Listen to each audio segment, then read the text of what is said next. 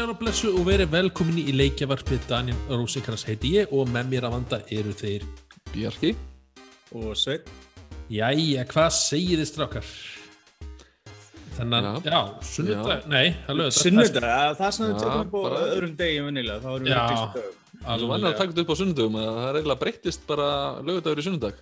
Búið að vera svolítið lang, langur, uh, löng pása hjá okkur en samt er maður búin að vera í bullandi hérna bara, að segja vinnu en það er búin að vera mikið að gera og hann hjá manni persónulega og maður er bara ekki haft tíma í því miður, en allavega hér eru við komin saman og ætlum að ræða tölvu leiki um, en svo við byrjum við að vanda hvað hafið þið verið að spila ef ég vil byrja þér Bjarki Ég er bara að spila skömmustulega lítið út af hérna, ég mitt ég er í svipuðum pakka og þú, það er bara lífið er að hérna, taka marga klukkutíma fram hann sko.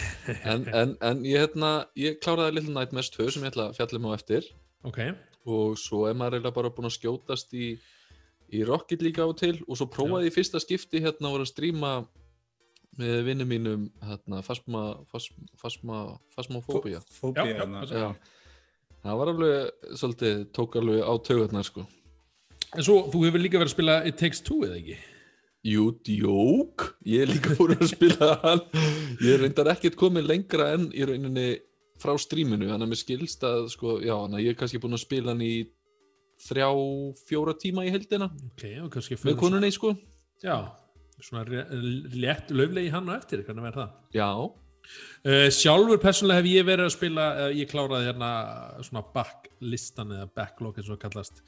Það Uh, er nafnið Tossalistan Tossalisti, mjög gott, mjög Ég, gott. ég nota alltaf það Já, flott. Ég hérna var að spila Ghost of Tsushima, uh, uh, já, kláraði lóksins, elskana leik geggjaður. og, og hérna bara mjög, mjög vel sattum með hann og, og svo fór ég í nokkra indie-leiki strax eftir, það fór ég í fríleikina Macwet, uh, Bugsnax og hérna Oddworld.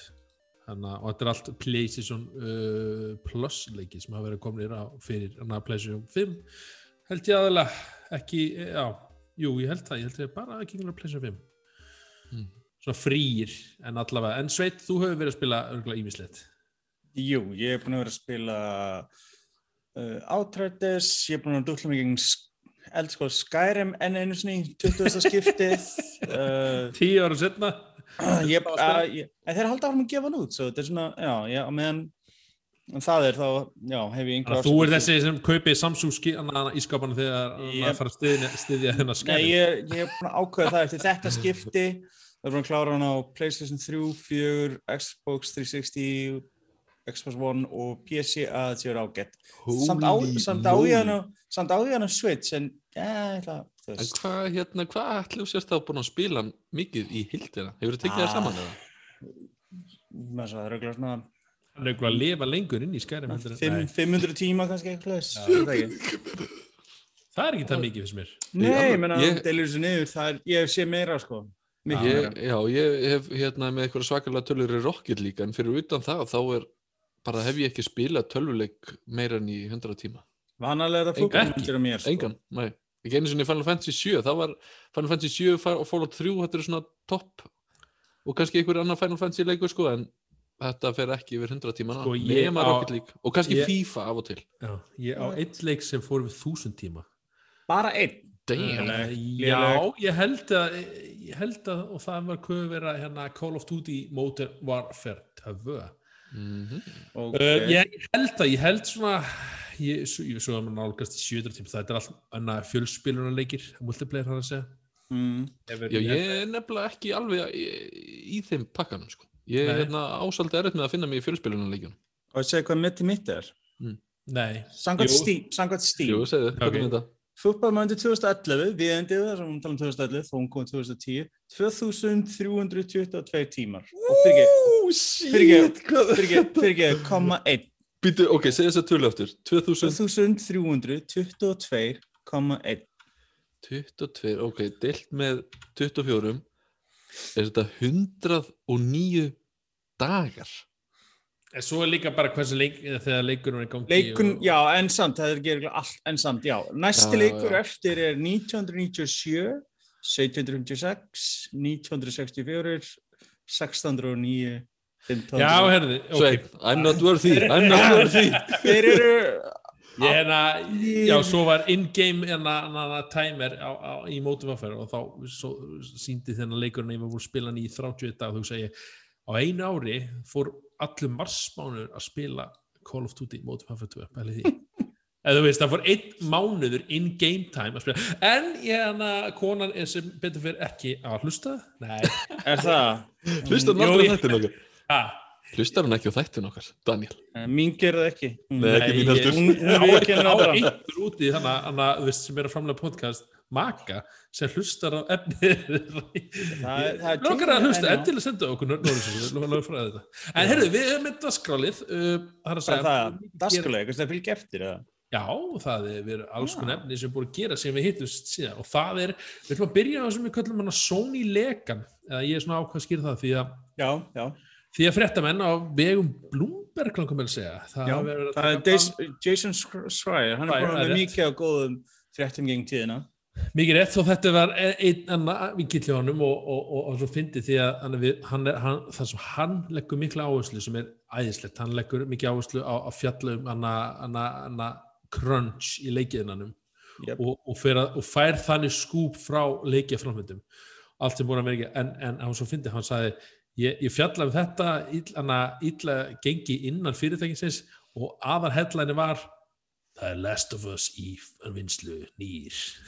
Eða veist, eða fattu því það var svona, eins og segið, það var hana e, það sem ég hefði kannski mest áhuga en það voru fleiri leikir eins og Days Gone sem vakti mislukku uh, á meðal leikja gaggrínenda og í spilara Ja, sko leikurinn finnst mér að hafa unnið á spilurum. Eins og ég tekið þetta úr skoðun á YouTube, Twitch og Reddit þá finnst mér alltaf að fá meira og meira. En gaggreinda svona einhvern veginn ég held að þeir gáðum ekki nóg mikið séns margir. Mér finnst þetta að vera svolítið hit and miss. Þetta er svolítið hérna, ég sem sagt hérna spilaði hann og mér fannst hann hérna að því hann er það rep, repetitive hann er svona, hann endur tekur sér svo oft að, að þú veist, maður þarf að hafa þólumæði til að gangi í gegnum þennan, uh, hvað maður að segja eld til að nenna hann, leiknum sko. hann vinnur á, ég, ég veit að hann mætti það kannski maður stittan en mér Þannig að finnst ef þú hann nennir vinna ekki þá vissir á leiknum. Já. já, en þú heldur áfram þá, þá finnst mér mjög margir tala mjög jákvætt um hann einhvern veginn. Ég, ég hafði, eins og segi, ég, ég er alveg saman að bjarga það var svona, það var eitthvað mjög fallet við hann, beauty svona inn, inn, inn við beinið en eins og segi, hann næri ekki alveg að, að framkvæmja hlutina, svona executa svona eða þú veist, hann tegir söguna persónu að vera svona sumar eða bara, uh, æ, þú veist, ég þóla ekki þennan ekki gaur og, og einhvern veginn svona er maður Mm. sama þessi, þú veist hann uh, kemst ekki lengra í sögunni en eins og sé, það var samt gaman að spila hann, hann var svona hann var öðruvísi í ykkur apocalypse bandaríkjunum í hann á móturhjóli eitthvað svona öðruvísi og, og, og eldast við þúsundir zombi á einum það var skjá oft geggja maður að eiga það. Og Já, og Það fínir svona, nokkri svona fínir svona bossar. Mm. algjörlega og ég, og sé, það var margt ég, ég, ég var svona nokkuð vissum að væri með Days Gone 2 í vinslu ég, mér fannst bara á tímapunkti. Mér fannst mjög skrítið og svo er ekki mér fannst það möguleikin fyrir að oft með fyrsta leikin þá er einhverja hugmyndi sem taka smiðsmynda vel upp og síðan leikur tvö oft sementaðar, það er á mjög algengt að leikur tvö, þú veist, byggir á og verður ennþá betri eins og sést með svo marga leiki gegn tíðina. Akkurat þannig að mér var, vildi einmitt sjá það og ég er mjög söktur ef að fréttina er réttar að Sony hafi bara skotið það niður einhvern veginn algjörlega. Já, ég er svona einhvern veginn hlutlus mér finnst þetta að vera svona leikur sem var svona rétt slefað upp í sjö mögulega. Ekki var, vera- var það, var það. síðan hvernig var sjö slæmt? Já, svona, þú veist, þetta er svona allt í Á, læg á Sony Það það hverjum þá er þetta slemt Já, ef það er, það er rétt að þeir eru eitthvað með allt í eitthvað núna bara AAA just, stóra leiki sem selja x mikið. Ef Já. það, þær pælingar rétt að þá hef ég ágjur vegna þess að Sony hefur oft stuttið rosalega mikið af góðum smerri leikjum, mismöndi stórum. Og ef að það er að fara að breytast viðhörðu þeim þá hef ég ágjur vegna þess að mikið bestu svoleiðis leikjum hafa komið undan hendum Sony sko. já, bara þessi, rétt Já. ætli þessi leikur hafi ekki selst vel Ég Jú, að hann seldist Já, vel, hann skilaði hagnaði, það er bara málið. Þetta er ekki það að hann hafði ekki veist, komið í pluss. Mm. Þetta er bara, þú veist, ég veit ekki hvað Sony vill, það er bara eftir þess að leiðtóða skipti virðist þeirra, þegar þarna, þessi Jim Ryan tekur við, þá virðist þeirra ímsa breytingar í gangi í skiplæðinu á Sony og ekki alla til eins betra finnst mér. Eh, já, það er eins og sé, maður, hana, maður gleymir oft uh, er allt viðskipti risar hvort með Xbox, Microsoft, Sony og Nintendo, það er, þetta eru allt businessmenn en að baka Já, en ég held að það sé bara veist, þessi pælingar, ég menna eins og segi, leikurinn seldis, leikurinn skila Mhm. hagnaðis og það er ekki Akkurat. það að þú getur sagt þeirri og lítið og skýfrið sagt þeirri, Nei, ja, hann er ekki þjóna kostnaðis og við gerum ekki framhald. Er En þetta er meira- mögulega ekki nógu miklu það ekki. eða hvort að þessi, þessi klassíska, þetta er þessum kvikmyndaðina þjáðu sem ekki af í dag, sérstaklega Hollywood, er þessi hræðsla að gera eitthvað nýtt heldur stæl út af því sama sem þið vita að skila hagnaði. Þetta er áhættu fælni. En alltaf Days Gone var nýtt þannig að Já, það sem ég segi, vegna finnst mér mjög sérst að þetta er að jarða þetta IP strax En- í staðin fyrir að byggja í góðu. Svo er, er náttúrulega orðrum að tóku við að hvað er þetta hann er staðin og það, ég, það að séu að eitthvað að ekki hérna eitthvað framald af uh, Uncharted Sko, eða flesta af þessu stúdíós eru það stóru þeir getur verið að vinna eintum verkefnum í einu. Og það var orðramann að þeir var að endur gera uh, sko fyrst var þeir að gera að orðramann að þeir var að gera nýjan á tjárstætleik sem eitthvað var að tala um búin að orðramann að vera að gera endur gera fyrsta regnum og núna er þetta uh, Last of Us 1 endur gera og ég finnst þetta svo dum ef rétt er. Last of Us 1 er frábær leikur en þetta er remaster útgáðun sem virkar á Playstation 4 og 5 hver mögulega höfum við að Já. gera með endur gera þessu leik Það er ekki núna? liðið nú langur tími. Nei, það minna, er, Já. það er ekki komin í nostalgía Nei. neitt sérstaklega, við erum með góða útgáfunu þegar svo, sem kom ekkert svo lengur eftir leikum kom út svo, þetta er Er ekki algjörlega tengt stúpid að gera. veist, Já, að vera en að djúsa það. Þú veist, þá var ég betra að þau myndi bara gera eitthvað remix eða gera eitthvað annað en þetta er voðalega Já, maður fyrir ekki, að hugsa meina- þeir sem eru búin að kaupa, þú veist, leikinn, spiluðu hann, Já, spiluðu hann svo verður- remastered útgáfuna, hann, þú mm, veist, hérna, þú veist, eiga er eftir að kaupa þessu útgáfu líka, ég veit til ekki. hvers, Ég, ég held hvers, að þú ég getur- ekki þú eftir að kaupa fundir í masterútgáðan fyrir Cook Kanel spila frábæran leik í fjóri ef, ef, ef við erum að tala um, ef við erum að tala um remake þá erum við að tala um allt annað leik. Við erum Já, ekki að já, tala um sko er þeir eru hugsumendir eða svona hana, gamla, ég held að sko sagan mun breyt, eða, ég veit ekki hvernig það breytist þar aðra tíma ég, ég, þeir get ekki fara að búa til aftur í hana, Já, það er málið, ég meina hvað ætlar að gera? ætlar að breyta þessu eitthvað í ætta þáttunum sem áurum aðeins öðruvísi Já. Það myndi, það myndi, það myndi alienate- selja leikinn, það myndi Já, selja en þá myndir það líka pyrra fólki of sem eru aðdáðin seríun til að byrja með leikjana og eru bara, veitu, hvað er öll þetta? Já, þá ætti þetta að heita kannski, þú veist, Last of Us The Alternative Story, eða eða eitthvað til, eða bara búið til spin-off leik fyrir eitthvað í seríunni eins, og veist, eins og var gert með Last of Us þarna, nei, fyrir ekki Uncharted leikin það var það miklu skarra en þetta, það er alltaf snemt það er til gamlir Sony-leiki sem ætti miklu meira skilið að fá svona endur lífgun, það er til fullt af Mhm. góðum leikjum á PlayStation 1 og PlayStation 2 sem var perfekt fyrir endurgerð. Ég meina, sjáðu bara líka vinnuna sem var gerð við uh, Demon's Souls, frábær endurgerð eða Shadow of the Colossus svoleiðis dæmi, það vil ég sjá gerast. Og það voru leik sem voru búin að vera ákveðin langa ár og og Það Final make Fantasy sense. 7 mitt og hérna mér. já og mitt- svoleiðis. Það það er make svona- a sense, Já, skilju, og já. draumurinn er mér alltaf verið með ekki svolítið eitt, skilju, endurgerður frá nulli, ég myndi Það hann myndi slá í gegn allir. já, ég Já. væri svo til í það, sko, bara day one, bara sign me up, sko, þú veist, svoleiðis, Mhm. það er langt síðan, það var, það er lang- mörg ára milli, svoleiðis dæmi, Akkurat. en ég veit ekki, ég er mjög forðan að sjá hvað Sony er að fara að gera og síðan já, bætist þetta ofan á uh, PR blönderi sem virðist vera með þessa lókun á PlayStation 3, Vita og PSP búðunum sem stefnir í sumar sem er uh, opnar það er ekki góð tilkynning frá Sony. Ha, hvað sagði þau? það er ekki komið tilkynning frá Sony. Jú, það var komið til í Kingu Sony og þetta, er, þetta vekur ákveðna spurningar. Ég veit að ég var með að tala einnig myndi gerkvöldi og við varum að tala með þetta er, þetta fælir fólk svolítið frá ég menn þetta er, nú er allt henni bara að segja fólk hérna, á, við verðum bara ákveðið lengi með þetta, hvað gerist þá? Hvenar, hvenar kemur tíminn á PlayStation 4 til dæmis? Hvenar er hún, skilur? Hvenar fyrir Já. súbúð niður? og þá er þetta allt henni og eins og núna, núna eru komið vélar sem eru digital only og physical akkur er þetta digital only vel sem getur alltaf lendi því að alltaf hey, leikindin virka ekki eða búðin ekki til eða ég get ekki Nei. retta með neinu nýju Þess vegna er Game Pass, Game Pass uh, hugmyndi framtíðin. Það er bara, já, já, en þetta er voðalega stupid og hvernig Sony er að handla þetta. Mér finnst þetta PR-dæmi bara að vera klúður og þetta er ekkert rosalega vekja mikla velveldi á fólki. Og síðan aftur mútið Microsoft sama tíma hörðu að ég langar að spila Xbox orginalleg eða 360-leg, Xbox One-leg, gjör svo vel ertu með diskinn, frábært, stingdur mig, kostar ekki neitt. Langar, langar að kaupa gamla leik, ekkert mál, hann er til stað veist, og síðan Game Pass óná og Game Pass sem er með þessi leiki. Og meðan Playstation var alltaf við ætlum að leifa að spila Playstation 2 leiki en við ætlum að selja það, við ætlum ekki að gera neitt fyrir hann ef við bæta trófís en við ætlum að selja það. Akkurat. svona dæmi, sko, mér langar að sjá Sony breyta hans áherslunum með þessu, mér finnst þetta mjög svekkjandi, að það er fullt af leikjum sem kom út þessar vélar og þó að það sé ekki lengur að gefa út vél, uh, leiki fyrir þess að víta þá er til gríðald magna leikjum sem eru virðið að spila hva, hvernig virkar þá, þú veist, fyrir með, þú veist, þeir sem að eiga þess að tölvu ennþá og það loka búðin, virkar þá leikinir bara ekki? það er nefnilega vandamál Jú, jú, jú, vegna þess- Þeir Já, já. getur, þú getur sóttu aftur eða þú veist, búðin lokar, þú getur ekki kifta og þú getur sóttu aftur en þú getur spila aftur, ég- spurning Ekki- ekki keypt. En Nei, já, vandamálið er samt að leikirnir virðast á víta tala eitthvað við serverinn og við serverinn fyrir nýður, það er vandamál. Já, Þannig að sko vegna þess, það er ákveð DRM í gangi. Ég var að skoða vídeo hjá Modern Gamerinn daginn og hann var að fara yfir þetta, voru að sína hvernig það virkaði. Og þú þarft bókstallega að, ef þú ætlar að preserva leikina hérna, þá þarftu bókstallega að hakkavílan til þess að gera það. Það er rosalega stupid. hvernig preserva káttu við? það, hún talar við til þess að staðfesta eh, kaupin á leiknum og eignina þína á Já, leiknum, þá ég- talar hún við server og síðan verður serverinn ekki lengur til staða, það býr því vandamál.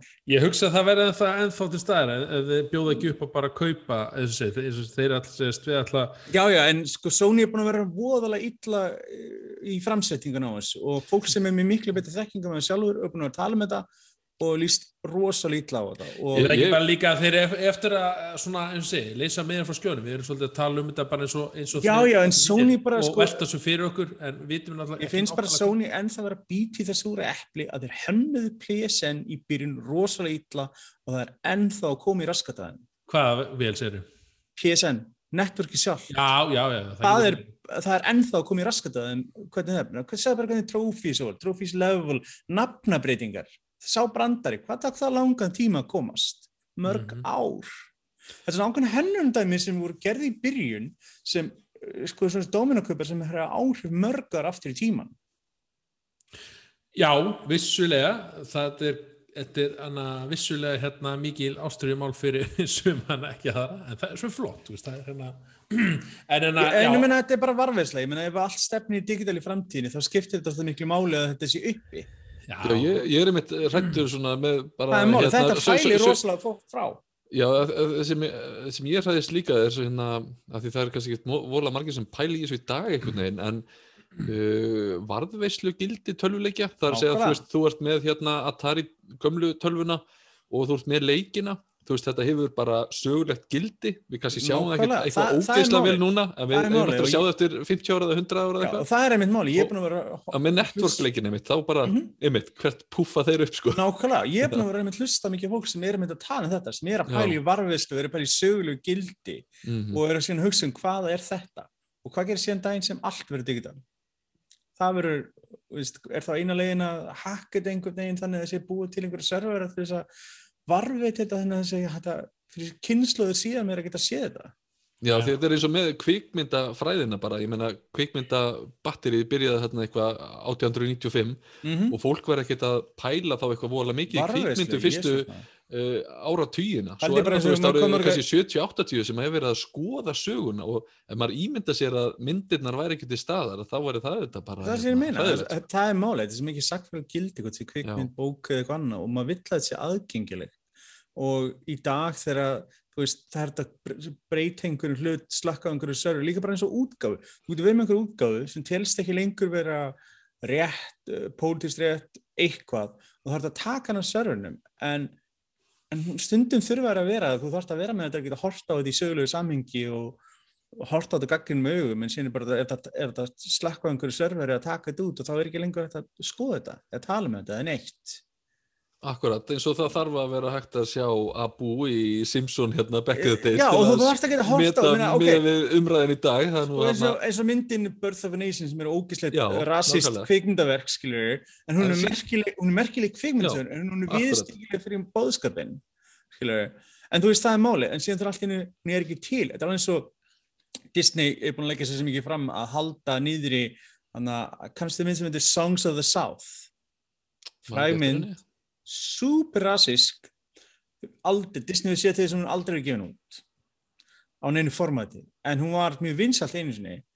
En þú veist, ég er ekki að hægla myndin sem slíkt, ég bara segja þú veist, þetta er svona gott dæmi um þú veist, ennum við varfiðslu upp á sagfræðil gildi hvernig hverski Hollywood presentaði fólk og Mhm. skilur hvað menna Mhm. Þú veist, en síðan er þetta hvergi aðgengilegt. Og þú veist, ekki hún á safni sem geti, þú veist, fjallað um þetta rétt að vegu, sko. En svo, svo ofan á þetta til að bæta gráan og svart mm. að þá var ég sér sett um tíma að vinna að svona verkefni sem tengdist uh, hérna varveislu íslenskra tölvuleikja þetta er tölvuleikja Aha. sem hafa verið framleitir á Íslandi Jep. og það söfn eru ekki yfir höfuð, þau passa sér sett að taka inntak af geisladiskum hljóð, sér sett eftir, eftir söngvara og hljómsveitur í bækur, býst ég. tímarit, allt þetta en Nema þetta. tölvuleikir og borðspil þetta Já. er bara hverfur og ef það er engin á, á, á, sterkur áhuga maður sem er að passa upp á þetta eins og það er hérna tölvuleikja uh, nördin, heitir hann það ekki?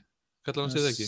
eða tölvuleikja safnarinn? Já, Já, ég, já, ég veit já, hvað já. maður, ég nákvæmlega, sem að passar upp á þetta. Og hann er bara, þú veist, gauðir sem að hafi áhuga á að gera þetta. Já, og- ég bara að gera þetta svona í fórsöndum og það er málið, það vantar þetta í öllu þessum tilfellum. Og Mhm. þetta er málið. Og það er ástæðan sem fólk er að klóra haustum að spyrja hvað er. Það virðast vera átök líka innan Sony bara á milli Japan og, Evr og Ameríku um stjórnin og dæm, dæminu. Og það verður mjög fornægt að sjá hvernig næstu árin koma fram. Það hefur orðið breyting, það hefur verið að loka mikið stúdíunum eins og Japan Studios. Já, var lokað. Þeir eru búin að missa mikið að talent þaðan núna, mikið af fólki sem er búin að vera hægt á undan. Mhm. það endar einhver annar staðar og þú veist, þetta er einsengis að Sony hefur alltaf verið ákveðin sér báti með ákveðina hluti og núna, það er ekki, ég, svegt ef að við missum af því eins að mikið af skemmtilega staffinu er að koma stundum frá svona verkefnum. akkurat. En já, þetta er ég rand frá mér, en ég er ekki, ég, ég er með sterkast skoðinu, ég, er ég, bara þegar maður er svona búin að, maður, ég er það gamall að, ég veist, ég er búin að horfa á töluleikina breytast. Og mér langar, ég er rosalega mikið fyrir varveðslu og geta nálgast gamla töluleik sem ég spilaði síðan með, bæði þegar geta sínt einhver með, eða bara skoða sjálfur eða pæla í saminginu hvernig leikir hafa þróast og breyst og Mhm. mér langar að þetta sé aðgengilegt, mér finnst gremjulegt þegar þetta er ekki til þess að ég belva ennþá yfir í til þess uh, eins og leikurinn no, no One Lives Forever er ekki aðgengilegur og eina ástæðin er bara um einhverju lagalega flæki sem enginn er að leysa Byrju, Kvenkins James Bond var það ekki? já, með svona með, Geggjaður með, leikur. með, Aust- með Austin Powers spúfinu frábær leikur, gerur útlöku stúdíu en er í limbo og eina leiðin er bara að finna annarkvæmt orgin eintak af disk sem ég gerði og finna uppfara útgáðum á netinu sem aðdáðundir hafa púslað saman vegna þess að það er enginn. Ég meina, ég myndi upp kaupanleik á sekundinu ef ég gæti það á Mhm. GOG eða Steam eða whatever en ég get það ekki vegna þess að þeir get ekki komið sér saman um aðeirarnir sem eiga þetta. Það er svo flóki eignarhaldi og enginn er að leysa því. Það er til góða greinar um þetta á netinu hvað er málið. En þetta er leik Mhm. sem er fastur í limbo og ég meina upp á varveðsli, ég meina þú þarfst að finna inntak af leiknum til þess að geta varveðan.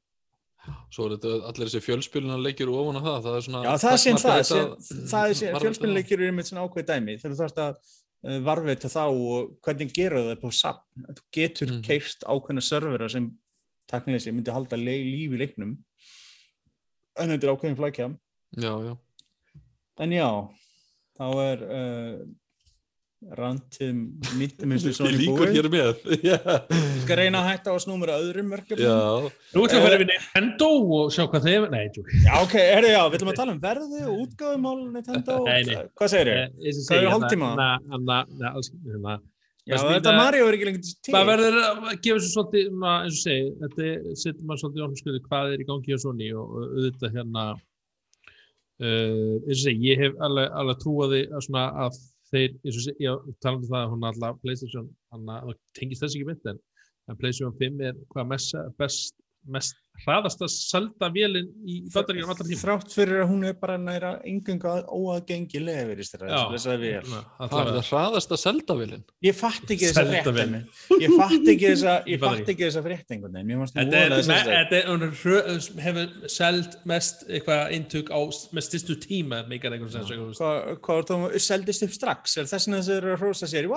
Nei, vantilega ekki, þá hefur verið að framleiða og bara farið strax út sem sagt, í, hérna, á stóru markan. Ég held að sé ennþá náttúrulega í framleiðslu, við erum náttúrulega litli markan í Júní- Fáum ekki brota því ennþá, en hann að, Hlutek var eitthvað að setja á Facebook í gæra eitthvað að voru að fá sendingu Það er ok. búið. að vera orður um að sé koma sendingum í mæ, en þú veist, mér, hef, hef, það hefur verið að koma út af og til, sé í bandrækjum og Európu, vélar.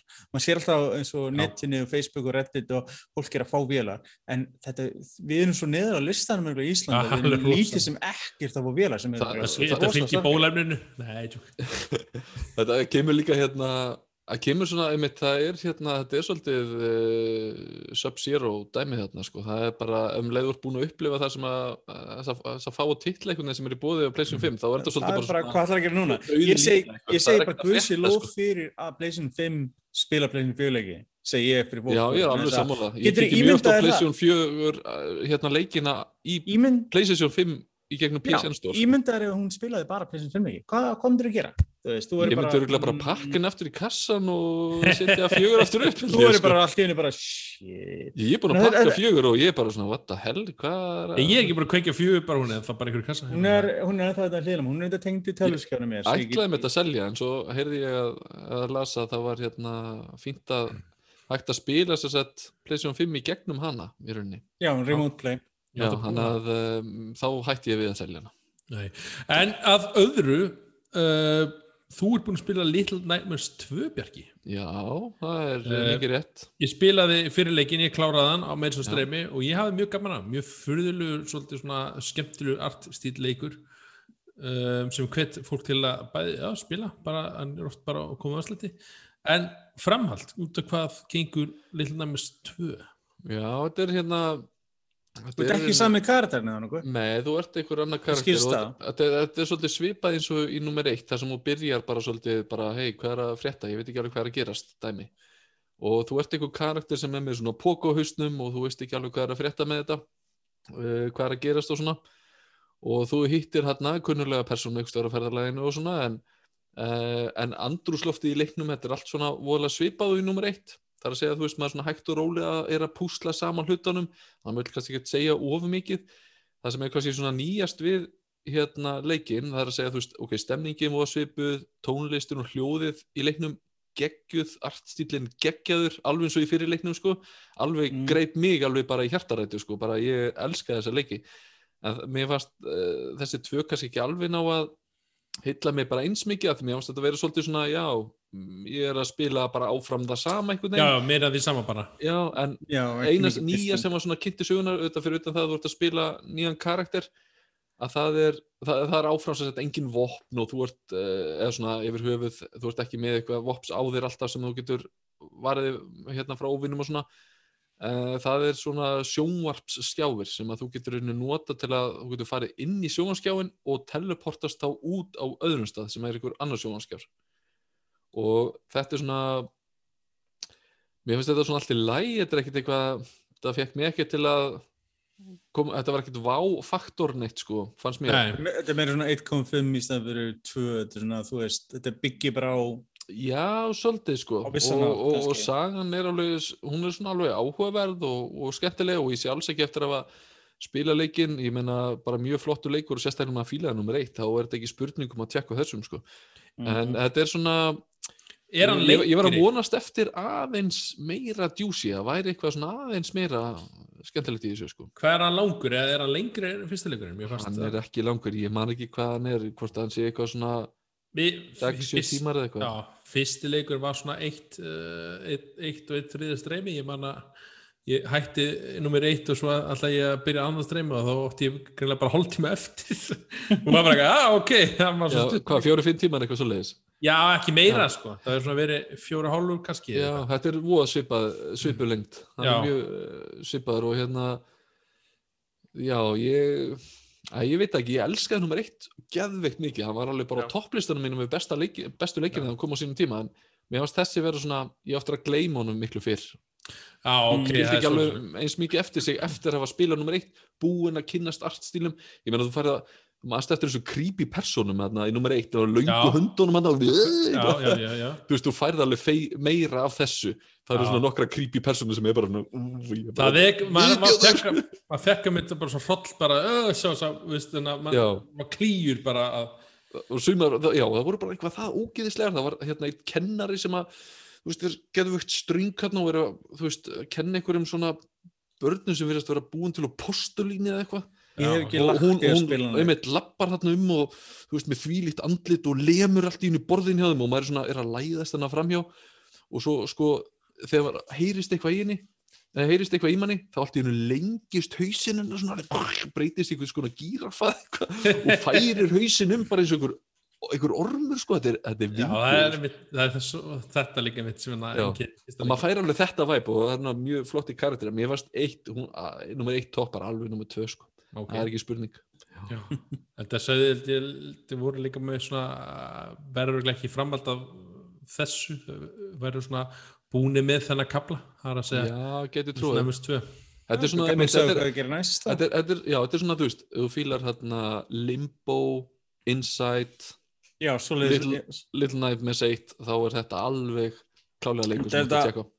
Er þetta ekki allt gert að dönsku fyrirtæki? Dönsku fyrirtækjum. Mér minni það, jú. Limbo að- Insight er að gera á dönsku fyrirtæki, veit ég. Jú, það, hérna, Það get ég staðfest. Ég mann Var, var bara Bandai Namco, voru þeir bara gjónum? Playdead Games, þarna, mhm. Jú, ég held að þetta sé allt frá Norðurlöndunum, ég þarf nú ekki alveg að fullera það sagði, sko. Tarsir Studios, uh, Sænst, það er næsti bara við. Já, næsti bara við, já, þú skalt ekki segja svíja þetta. Nei, ég veit. það voru brjálaður við, sko. það er ekki öskar á mig fyrir það, en já, eins og segi, þetta er þarna, já, en ég myndi ráma þetta, það er svona öðruvísi svona feelingur, það er gaman þegar maður er að pröfa leiki svona viðsverfa heiminn sem svona hafa hvað öðruvísi við sig til að spila japanska leik, bandarinska leik, euróska leik og síðan austur-euróska leik stundum, maður svona fær svona aðeins öðruvísi vibe, svona, það er gaman að sjá svona áhrifin, Þetta er klálega líka leikur þegar maður er einmitt, eins og maður er komin ógeða, einmitt ef við vorum að tala um leikin á svona Hollywood og Já. Triple A og allt þetta. Maður vill aðeins fara hliðarspor hérna og prófa eitthvað er er þá Little Nightmares els- 2. já, þetta er ástæðan ég elska Witcher 3 svo mikið, að hann er öðruvísi, hann er ekki Já, típisku vestrætt roleplayleikur hann er með þetta austur-euróska áhrif sem er svo skemmtilegt þannig að ég Nákvæmlega. það svona aðeins Þannig að þú, já, þessi það er að segja Little, Little Nightmares 1 og vilt meira þá er 2 bara svona já, meðmæli frá Björka já meðmælu frá Bjarka og líka einmitt, ef maður vill prófa eitthvað góðan indileg, ég meina hann er góður, sko. já, já, já, Hann bara, er svona, hann bara næri ekki að toppa, hann er ekki svona- á pari og ekki, næri ekki að toppa nummer eitt. ok. Já, En þetta hann er segir. góður. Já. Já. Uh, Sveit, í síðasta þætti þá öndu við þáttina þess að ádrættir. Uh, nú ertu búin að spila núna síðan svolítið, eða ekki, því að koma út, eða ekki? Jú, ég er búin að spila slata ég er reyndar aðeins búin að vera rólegist í þessi daga þess að það var svona glitch í leiknum sem gera verkum að uh, þú loggar þig inn þá gasta lendi í því að allt er horfið. Já, lendið þú í því eða varstu Uh, bara nei, ég mjög heppin, ég hef ekki lendi í neginu slegis, en maður var svona pínu heikandi sem bara, að, besta, storka örlugunum ekkert of mikið og þú veist. Var það öll plattform eða? Já, ég held að vera Já, ok, sem ok, var ok. vandamál með crossplay milli PC og consoles, en það er búið að leysa bæði. Ok, og það er búið að leysa þetta allt saman, en þetta er ekki lengur. En ég er búin að spila slatta eftir ég spila demoið og hafa svona sæmilega gamana ég veit ekki að ég segi hjálpar alltaf mikið til þess að leika góðum Game Pass á Xboxinu. Uh, já ekki en- PC, ég Nei, ah, ekki PC og ekki þetta auðvitað en ekki frýr á Playstation. En uh, ég er enda búin að spila hans slata þetta er fýtt leikur, þetta er svona þetta er málið, þetta er svona, þetta er svona þess að kallast double A leikur, þetta er ekki triple A, þetta er svona ég held að það sem hjálpir þessu leikur rosalega mikið núna er núverandi ástand, það er þetta ekkert sama sem ekkert er koma út. Mm það er ótrúlega látið í þessu. Þetta er fýtt leik til þess að spila í co-op svona þegar loksins er búið að slípa glitchana eins og maður segir. Og þetta er svona bara svona dumb funny ég finna að sagan er ekkert þess að þú veist Rópa Húrra hefur verið neitt svo leiðis en hann lítur vel út minnst á Það minnir svolítið, á Destiny, ég veit ekki hvort í spilun en allavega en að valmynd leiksins þá fannst Mm. mér bara, ég bara, mér fannst ég vera að horfa á Destiny. Sko, þetta er svolítið sérstækt sko, maður, þú veist, það er búið að svona tala um það hvort að það hafi verið meiri element af leiknum svoleiðis, Destiny lík í leiknum Já, en síðan hafi verið tekinn sko, málið þetta skörinning sem er útkjöndulegsins lendu þetta í hrikalegu í fyrra með Avengers-leikin sem var bara hrikald peningablokk og illa ígrundað dæmi, alltaf að vera og eða svona looter leikur og games as a service og allt svo leiðis maður fær svona tilfinningar þegar að strípa eitthvað af þessu úr leiknum. að það færða tilfinningarna að sé svona social hub staði sem fólk gæti hist þó þú sé bara að fóra leiknum. En það er það ekki, þú hittir aldrei fólk nefnum að spila á eða matchmaka en, en það er ekki, það er ekkert microtransactions, það er ekkert svoleiðist á tíðunum, hérna, það er mjög fínt fyrir þess að þetta er bara eina sem er skrítið er þetta online only requirement og þess að tæknilega sem finnst mann eins og ættir að geta að spila hann offline. Uh, ég held að þetta sér gæti verið arfleð bara gamalla hönnunar að það sé og erfitt að kannski taka það úr eða þurfu einhverja meira breytingar. En þetta er fýll leikur út að það getur spilað þrýr saman. Það er svona skondrið, það eru fjóru klassar en þú getur max verið þrýr Já. en þá er eitthvað þannig getur Er, er, er það bara þrý í sama lobby eða hvernig- eða þrý í sama spila? Þrýr saman, þú getur bara max verið þrýr það er bara málið en Já, þú ert ekki bara á, á, á, á, á svona, hvað segir maður, massífi serverum þar sem fullt að spila. Nei, nei, spila. það er bara sko málið, þú ert því að spila þín, þetta er eins og ég segi, þú þarf nefnilega aðeins að bakka þetta hugmyndina með uh, Destiny, þetta er meira, Já, já, þetta er meira Borderlands, skil- meira skil- Borderlands áhverja. og þá ertu komið miklu næri þessu, en það, það er spurningin að þeir hafi byrjað meira með hugmyndina á Destiny og sem bakkað eftir að Square Enix hugsaði með sér allt í einu, og við fyrir aftur sömulegum að vendjast, þá átti þetta að springa fram í andlut okkur Já. Og þeir senkuðu leiknum og spurning hvort það eitthvað er svoleiðis. Þetta er, er þetta er fínt að hoppa inn leik núna vegna þess nákvæmlega eins og það er lítið að gera, lítið að spila og svoleiðis og annarkost þegar maður spila einhver gamla leiki sem við flestir erum búin að vera að gera eða kíkja á einhver svona leiki svona öðruvísi. Mhm. Það er líka ekki verra að leikurinn er með frí uppfæslu frá PlayStation 4 í 5 og Xbox 9 og gamlu. Þannig að það er mjög þægilegt svona, þú getur byrjað að spila hann og uppfæst setna mér. Er hann keirir lá- mjög vel. Er hann langur eða, veist, eða ertu búið með söguna nokkuð? Nei. Uh, hann er alveg örugglega 20-30 tímar eitthvað veist, hann er alveg eitthvað drjúur sko, þú veist, það er þannig að Og þó væntalega svona endgame content þar að segja Já, eh, þetta, að spila þetta, spila okkur þessi- svæði eh, aftur þetta endgame er svo alltaf við talaðum í svona lútir leikum eða games as a service, það er alltaf talað um þetta, Þannig að þú ert alltaf að sækja eitthvað Þa- endakalla til að komast að betra, enna, sagt, betri vopn og bet, til að gera til að komast í þenn áfram Þú getur hoppað í gegnum sögun svona 15-20 tímum eða þú getur verið alveg upp í 30-40 Já. síðan er þetta bara spurningin þegar þú búin allir því hvort þú ert með einhvern vinnahóp sem er gaman að spila og bara, það er mjög þægilegt eitt sem ég finnst í leikin, það er svona þess að world tier sem er, er bara erlögstill í leiknum, þetta er eins og Diablo. Þú getur stilt world tier alveg bara frá einum upp í, held ég, 15 og auðvitað því erfiðar sem leikur verið því meiri lútfarðið og meiri græðir á því. En það besta við, þú getur verið með ákveðið stilt, til dæmis ég getur að spila og verið með world tier 6 eða eitthvað sem er bara hard. Og Bjarki getur verið world tier 3 og þú getur verið world tier 1 og við getum allir samt spila saman mm. hann er mjög þægilegt upp á það hann er þetta mjög með margar svona þægilega hluti þannig upp á fólk spilir saman að þú ert ekki missa af einhverju þó að þér kannski finnist aðeins þægilegra að, að laga leikinn betur af þú veist, þinni spilun Hvað færðu þá ekki meiri skada, eh, mikið skada á hinn hin persónan?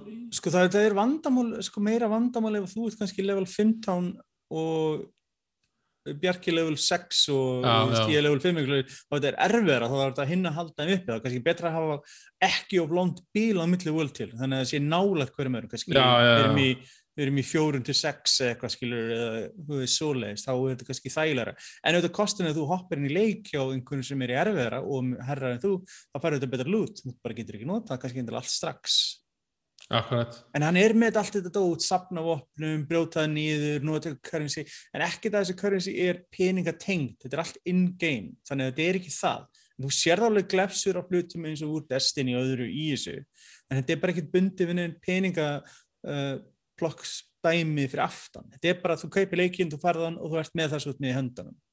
Og ef þú kemur eitthvað nýtt content þá verður það bara þetta sem DLC. Það er ekkert eitthvað svona hins einn mótel eins og er svo einkennandi við þessa leiki. Nei. Þannig sko, ég, ég, ég, ég, held að þessi leikur eftir þetta erfiðara upp, uh, uppdráttar ef maður er að koma út undir eðlum kringustæðum ef að semst, við verum ekki í COVID-inu, geðukinni sem er núna, útgáðum verður miklu þéttari eða hann var að koma út næsta haust, ég held að hann ætti ekki séns ef að hann var að koma út í eðlilegur útgáfu yfir hausti, skilur hvað ég meina, þetta er miklu erfiðara Já. uppdráttar. Þetta er Akkurat. leikur sem græðir rosalega ef hann er að koma út í fyrirpart ásins sem eru vanlega svona jan uh, til mars apríli er vanlega talin dauðari partur ársins oftast í útgáfi vanalega. Og hann græðir alveg því og síðan græðir hann þetta á því að það er ekkert að gerast. Þetta er fýll leikur en þetta er svona veit ekki, svo aðstæðum, maður er eins og þessi gaggirinn en ekki, þetta er svona ekki, þetta er svona, þetta er þessi brandari sko, þetta skiptum alveg hvað hann kostar. Og segjum að þú verður að kaupa hann á 10 skall, það er svona neð, þú þarfst að vera svona stífur og þú þarfst að vera með góðan kunningi upp til að spila. En ef hann skyndilega aðeins lækkar í verði þá henni byrjar að vera miklu álutlega kostur. Mhm. og þá, þú ferð alveg drúgt úr þú ert ekkert sökinn með leikin og ferðana. Nei. þetta er eina þetta að fyndið það að tala um að þetta sé svona cover shooter svona eins og Gears og fleira sem undir áhrifum þetta uh, fyrirtæki sem gerinleik vann að sögum Gearsleikjunum en það er svo skondið, sko, coverið er ekki fyrir þig coverið er fyrir þig óvinna það er með brandarinn þú græðir mest að því eins og þetta er byggt upp kraftarnir og leiðis, þú græðir að vera aggressífur, þú græðir Já. að þú far heilsu tilbaka þegar þú ert að berjast nálægt, þannig að þú ert ekkert að nota cover mikið, þú ert vanlega að charge óvinn og óvinnur að fylgja sig með eitthvað cover til að halda sér lifandinu og lengi. Ok, já, það er sniðut það er svona interesting. Tipið. en eins og ég er búin að hafa gaman á hann þetta er svona dumb fun leikur. Og það er fínt að spila núna það er ekki mikið geð og ekki verra að þú ert með eitt, tvo vinni með þér. Já, og hann er alltaf frýr á Xbox Game Pass. Free Xbox Game Pass En er hérna- til annars á PC og Playstation vilunum öllum. Þannig að það er hægt að spila hann á ýmsum stöðum ef fólk er áhuga. Já, ég var svona, ég hefði kannski gefið hann gaum hefði verið til á PC ég að- sem segi, ég menna það að verður það verður pottet útsölur í sumar. Já, Mhm. þetta er aðeins um smá verðpunkt þá skyndilega verður þetta mjög spennandi þá er að mér þá kemur því en að, eða þá pláss fyrir að, að spyrja að spila hann eða eitthvað aðra leiki sem er að koma út. Ég hérna Ah, hvað er mikið að koma út? hvað er að koma út annars? Mass Það Effect samlið. Re- Resident Clank. Já, Ma Mass Effect samlið ætti- Resident Clank er einhvern tíðan í sumar. Mass Effect safnið er jú alveg fara að bresta á. Resident Evil. Resident Evil aftur á móti, já, það er þetta nýrleikur Returnal Þetta- líka ég- er nýrleikur ég verð En busy fram í ágúst. Já, það Pokémon. Snap. Ah, Ég- Skyward Sword Ég er mest spenntastur að sjá uh, uppfæslun á Mass Effect 1 reyndar. Ég ætla ekki að hugsa um Mass Effect 3 bara. Ætlar að spila þetta í gegn? Ég veit ekki, sko, eh, Mass Effect, sko, út af við erum að tala um leiki 2011 og eftir þá kemur Mass Effect 2 þar við sögu Mhm. sem er einn af mínu best uppáhaldsleikjum. Það er snildarleikur í alla staði það er svona Mhm. gott að mér séu að tala um leikur 1 kemur hugmyndina leikur 2 slípar hana það er já, já.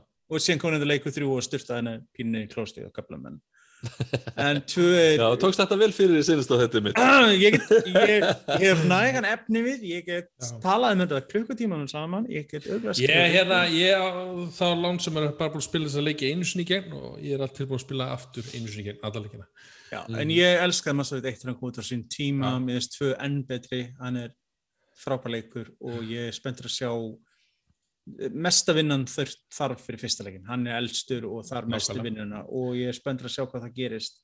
Uh, ég er enda mjög spenntur að spila Returnal sem er koma nú til okkur mánarins á PlayStation 5 já, Já, svo er ekki hann.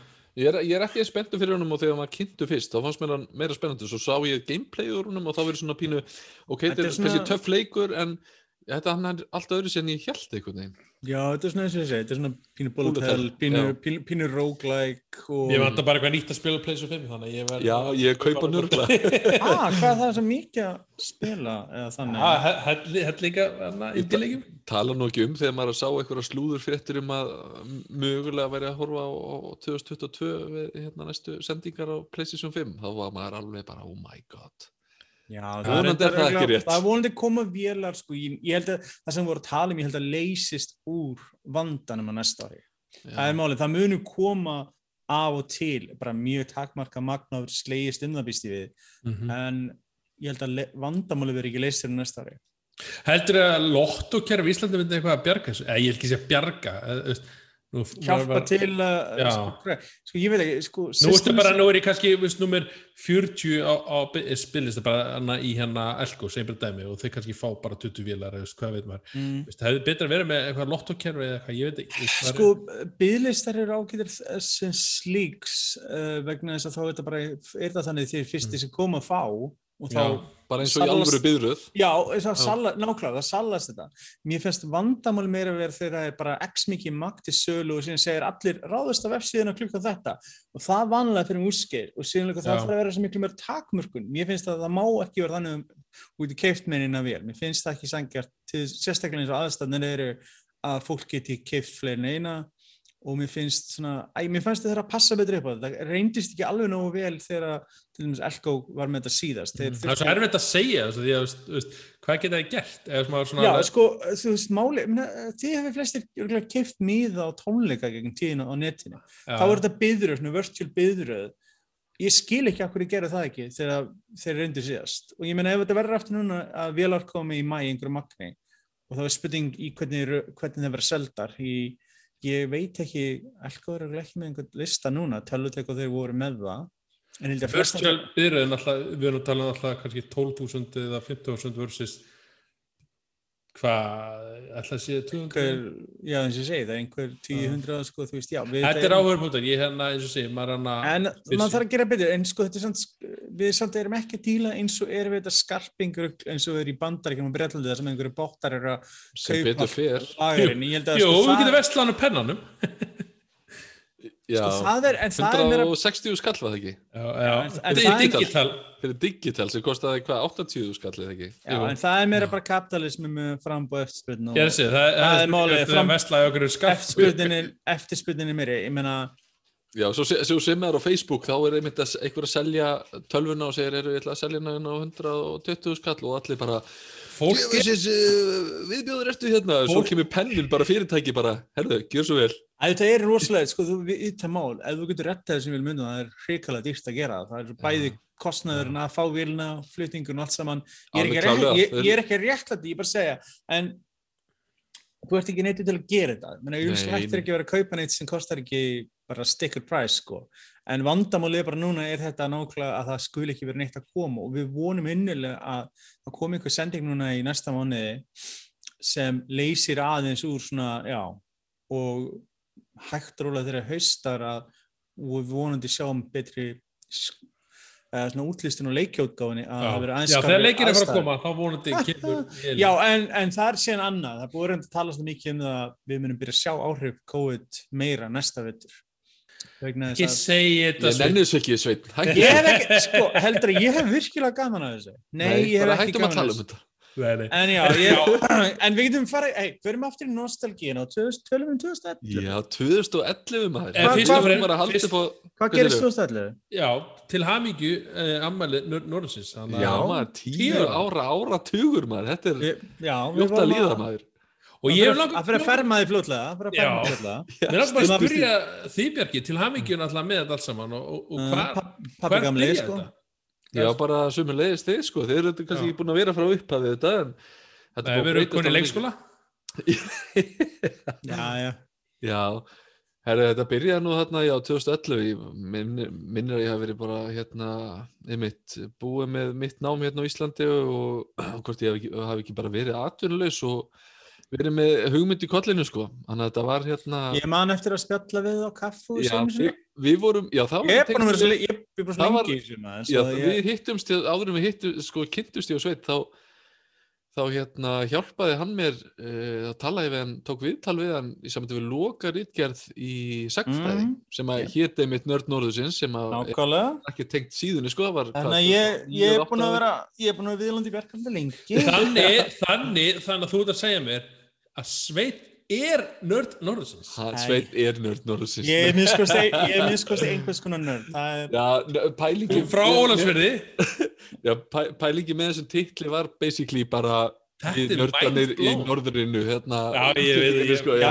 Bjarki er, OG nördin, sko. Í- ég er bara nördin, ég, ég er bara nördin og Bjarki er, nörd við erum allir alfa nerds hérna, Já, sko. ég til í það, Já, þetta byrjaði alltaf sem svona veftímarit sem að tók nú ekki nema 5-6 tölublöð að svona bara sjá bara, herru, þetta er alltaf mikil vinna fyrir.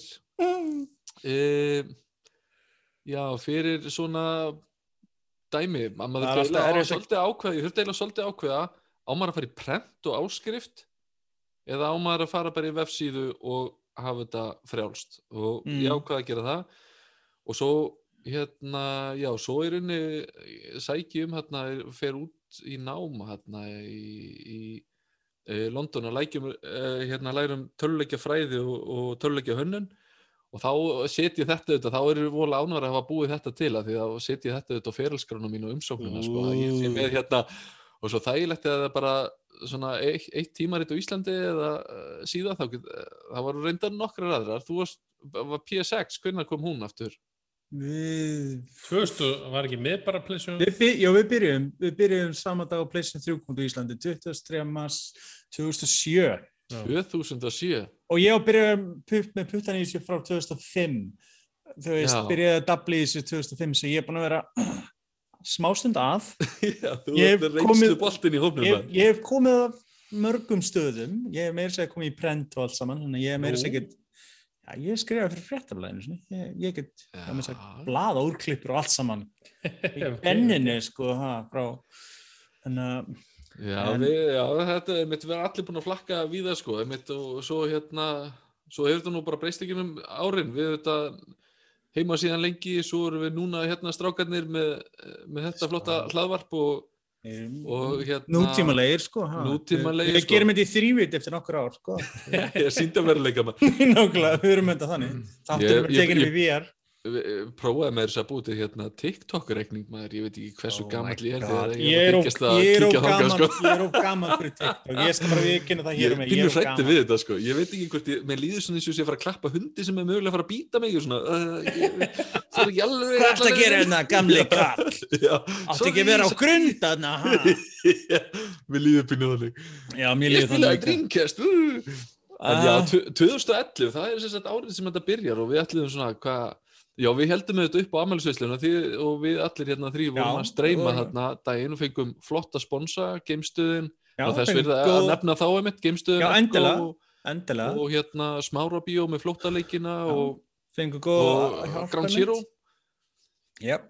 og hann er flottir sponsor bara, bara gaman að, og líka bara öllu fólkinu sem kíkt á okkur Já, nákvæmlega, ógeðslega ánæður með að fólk væri að deila að hérna, verja deginu með okkur og kíkja okkur Mhm. og hilsa upp á okkur bara, okkur, okkur hálfutónum sem voru að ta tala á bladra eða eitthvað svoleiðis ég, ég allavega fekk klít í hjertað og mér, mér langaði bara að pína að streyma aftur eða sjáum svo er, ég hef nú ekki verið, verið mikil streymismæður ég er svona, Ég er búin að dabla við þetta, við erum ekki eins flottir í þessi gamle kallindinni, svo unglingurinn hann, hann já, Daniel. Daniel er Daniel, er já, herra, já, einmitt, herra, Ég- st- Hann er að kenna okkur. og- Já, hann er allir með græjutnar. Já, þetta er rándýrt maður þetta er Ha, hann er, hann er, við sem segja, hann er að, þú veist, við treystum á hann í þessum málum, sko, ef við höfum ekki hann, þá varum við í djúpum skýt, sko. Við vantar tóni í skjá eða eins og þessu Já, það ekki. Þú verður bara að tjekka þetta sponsið við það, maður. Já, við Þetta- óskum, eftir sponsi í þetta Get, getur þetta skjá... tölvuskjáir, takk fyrir Nei, Já, getur þetta skjá arma spons fyrir mig aftur á þetta. Mér mér langar svo að setja skjánaða mér upp á arma svo ég geti verið með það svona flott setup, sko. Það er þetta, ég, er fyrir Við erum hérna með, við erum með hérna fútbolmanager og öðrum skjánum og, nei. Ég að ég kaupa þarf þriðja skjáin, þá getur verið með þrjá skjá, það var æðislegt. En hérna við okkur uh, þið hvað, þið dætti í huga að vera með um hvað nostalgíu spjall 2000 Já. árið Já, Að- þetta pæla er viðeigandi af því þetta er með byrjað 2011 Já, og Mhm. þú veist, maður hugsa svolítið bara aftur sko Hvað- tíu hvað ár eftir í gerist? tíma, þetta er svo fljótt að líðan að uh, fyrsta, tíma, uh, fyrsta tölublaði þetta var sér veftímarit, það er þetta að lesa þetta Ok. okay. á netinu sko þá var til dæmis þá var hérna Motorstorm Apocalypse umfjöllun og gaggrinni það var uh, Crysis 2 Multiplayer Beta 2 mm, það var uh, gaggrinni á Little Big Planet 2 það var Persona og leiku mánaðarins. Það var Anna Grímsdóttir og Burn Time munið eftir önnu Grímsdóttir Ég kannast þér nafnið því ég er hann að hugsa. leikjaframlutur ja. nei, oh, hvað er þetta Hvað er hérna þetta? ég voru ég að fletta í blaðinu þannig að nú verður það ekki klikkið þannig að uh, Anna Grímsdóttir er leikjapersona í Splinter Cell Já, yes, yes, yes. er Anna, Anna Anna komin af Grímsdóttir. Íslandingum en hún bjóð þó í Ameríku Já, ég man til því núna þú segir þetta maður. Ó, vá, ég man eftir að við vorum með svona tölleikja persóna mánuðar ég er enda að sakna þess að vera með eitthvað svoleiðis líka Það er alltaf að rifja upp gamla takta, sko. Já, þetta til að gera það held ég. Svo vorum við með heita leiki 2011 við vorum með sögu tölvuleikinar við vorum með BAFTA Video Games Award uh, 11 Mm. by the way, sá að, að, að hérna uh, Heits hafði Heitis, já, hann er búin að Heitis já hafði, hafði unnið hérna besta leik ársins hjá BAFTA þetta árið. Svo voru að fjallum uh, netið Expo, UTMS-una, Fancy Pants Global sem er Íslands törleiki fyrirtæki sem ekki er lengur til Mm. töluleiki þeirra Sorblops uh, fjöllum um EVE Online Funfest þar sem við- fengum hérna fyrsta skiptið pressupassa og fengum að kíkja á Ó. hérna uh, Chessbox þau voru með Chessbox svona, Ha, Ok. það var það skipt, þetta er sett boxleikur, það voru með minni að það hafi verið starfsmenn CCP sem voru sem þetta berjast í boxring í laugutasöll, þetta var svona, Já, svona auka viðbörður í tengstum við í FanFest og þá skiptist þetta þannig á að eina lótuna þá voru þau sett með boxhanskana og eru bara að boxa, bara pure box. Svo kemur Já. lóta tvö og þá voru þau að tefla, skák. Já, og svona ég- ég þetta rá- Mér ámar í þetta að þú segir þetta maður. ég hló allan tíma, þetta var svo ógísla fyndi og þarna var maður með eitthvað þú veist, lufsu uh, videokameru því að þetta er bara, þú veist, þarna var maður í dag, það var ekki svona flotti símar í bóðið þarna, sko. Að bara taka upp en maður var með eitthvað videokameru þarna og eitthvað uh, svo voru að taka viðtal við Brynjól Erlingsson sem var í leikjabransanum. Og með kvikmyndagagrinni og Battle LA fjöldum um zombies uh, borðspilið upp, prjóna uppskrift af sveppahúu og Mario Bros. Og hérna vorum að auðlýsa uppvakningagangu við vorum veginn með svona zombie walk. Bara nörd, já, já, þið Já. Ég man eftir þessu öllu, þegar þú talar um þetta, þá man ég eftir þessu. það var hérna, það var endar ekki þessi zombie ganga, það var önnur zombie ganga þá með þess að mætti hérna eh, sendiherra bandaríkjana hann mætti eh, í zombie gönguna, þetta var eitthvað til að auðlýsa hérna The Walking Dead uh, sjónvarsérfina þá Já. var zombie ganga niður laugavegin og að Ross. Rosalega ertu hipstirlegu með þessi gleru og þetta bindi á þessari mynd. Ertu að kíkja á þetta? Ó, auðvitað er ekki Æ, hjá pínu þetta. skammast mín fyrir þetta Svo unglur eitthvað, oh my god. Ein- ekkert grátt í skegginu Uh, annað núna. já, nei, nei. Uh, við erum aðeins eldri núna. en 2011, það var gott leikjár var það Það ekki var, bara? Ég jú, það. það, og hei, það byrjaði líka á einum besta leik allra tíma, mínum til. Mm. 17. janúar kom út Mass Effect 2 takkurir. Já, nákvæmlega Aha, þetta setti bara upp, markað upphafið sko. pældi því, Little Big Planet kom út daginn eftir, 2. Síðan kom út Dead Space 2, það er mikið 2 í gangi hérna. mm Uh, Portal 2, uh, Ocarina of. Time 3D kom út, Limbo kom út, Deus Ex Human Revolution, Gears of War 3, um, Forza Motorsport 4, uh, Batman Arkham City, frábælegur, Uncharted 3, æðislegur. Uh, og síðan litli leikurinn, uh, það komið tver, ég ætla að nefna einn á undan, uh, Legend of Zelda Skyward Sword, við endur þess að hann er komið aftur á þessu ári, Bastion komið til ársins, virkilega góður indie-leikur, frá með Mhm. hönnuðum Hades. Og síðan komum þarna litli leikurinn sem ég hef búin að spila aftur núna Elskóls 5 Skyrim. Ég man eftir að hafa gert mér sérstakafærð frá Norrlandinu að Suðurlandinu til þess að redda mér eintöku leiknum bara strax day one. Hvað getur þú, BT eða? Ég man ekki örgulega 11. 11. 2011 hvað sér ekki, fóstu hvert ég fór frá, ég var bjóð fyrir Norðan þá og ég fór spesferð til Reykjavík til að redda mér leiknum og var, var Steam þá ekki til Þetta var ekkert svona mikið sko. Jú, það veist- var, en ég kefti hann á Steam líka en ég var að redda mér um Xbox líka Það var Ah, meira um já. physical sölur þarna. Það var einhvern veginn, þú veist, allar þessar byðraðir sem að var í sambandi Tala ég eins og ég sé- Ó, ég sakna byðraðan ég tala eins og ég sé nýfermtur hérna. Aha, ég, ég veit það, það er gaman að, að sko, ha. dóttir mín var að grafa í kassa um dag hún er tvekja hálsara og en að Ah. fann Gameboy Pappi, hvað er þetta? hún Þetta er- sagði þetta er sími safngripur. ég held að það er sími Þekktur Já. Já, Er það ekki? Ég fekk að heyra það einhvern veginn, ég lánaði tveim ungum frændi mínu einhvern veginn bók um fótbolta eitthvað, þó ég sé ekki mikið fótboltabell, ég hef ekki þessi bók gefins. Og þá var hann að rifja upp fyrir mig að, að ég hef verið ungur þegar allt var svarkvít og mér, mér fannst ég vera svo gamall. Þegar hann sagði þetta við mig, ég var bara, fæn, fæn, ég gef þér ekkert einu jólagefnum framvegs. nákvæmlega Maður bara, ok. já, En 2011 eins og segi, 2011 var mjög solid ár og hugsaði út í og skoðar ég sömu þessi titli minna. Þetta er ekkert líkli titlar og ég minna ennþann það í dag, ég minna þú sér það. Uh, fólk er ennþá að spila Skyrim í dag, ég líka til dæmis, ég var að spila hann bara síðast í kærkvöldi. reyndar uppfarið útgáðu, en ok. Og Mass Effect 2 er að koma út hluta Mass Effect samnina í næsta mánuði, svo að það er svolítið skondið að, að það er að gerast og það er svona ákveðin ringrás og þetta Skyward Sword er að fá uppfarið útgáðu að Switch í næsta höst Já, maður líka bara sér einhvern veginn að því ég var að horfa að því og var já, Super 3D land fyrir ekki uh, hann er enda komið til 3DS þá, sorry. Mm, Já, já, ok. Sorry, svindlaði sinna Ég Var, að, hérna, að því maður var að reyfi upp svona upphafið einhvern veginn og þá bara líka magnað einhvern veginn að hugsa eða bara sjá, þú veist þó að tíu ár sé ekkert eitthvað fárulega mikið í töluleikasögunni að mm. þá sér maður bara einhvern veginn svo vel hvernig töluleikir hafa þróast og orðið ennþá betri og flottari á þessum Já, líka, tíu sko, árum einmitt. líka þessi, þessi tímabil 2011, þá er leikjartölunar búin að vera markað með nokkuð mörg ár, búin að Mhm. þróast og framlöndi búin að læra og þetta er ofta skemmtilegt nokkur ára eftir leikjartölunar koma út þegar er komin góð reynsla á þær og þá byrja oft mikið að bestu leikjarnar koma út Mhm. sem uh, bæði reyna vel að hardvera og svona gera nýja spennandi hluti og og oft erum við þá að fá skemmtilegustu leikina sem sitja upp eftir í minningunum fyrir vikið og það er Akkurat. gaman að sjá sama eins og við séum gera sem pleysinu fjögur, þrjú og sínda fimm þegar einhver daginn skemmtilega tímbilið verið búið og allt kemst í eðlilega form aftur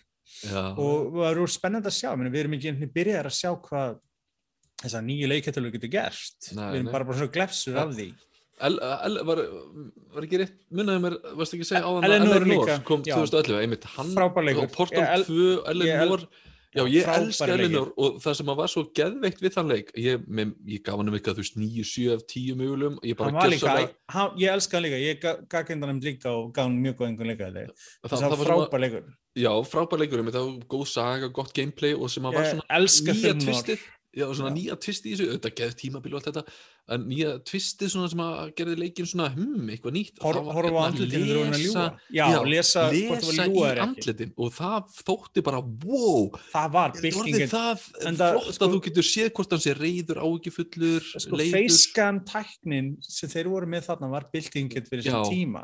Og svo núna þegar við erum konið í Unreal Engine var bara virtual leikarar með alls konar svipri. Getur Já. ímyndaði hvað þeir eru gert fyrir þetta þessa tækni tíu árum áður sko. Getur ímyndaði Eleanor 2 með þessu tekki maður maður myndi bara wow.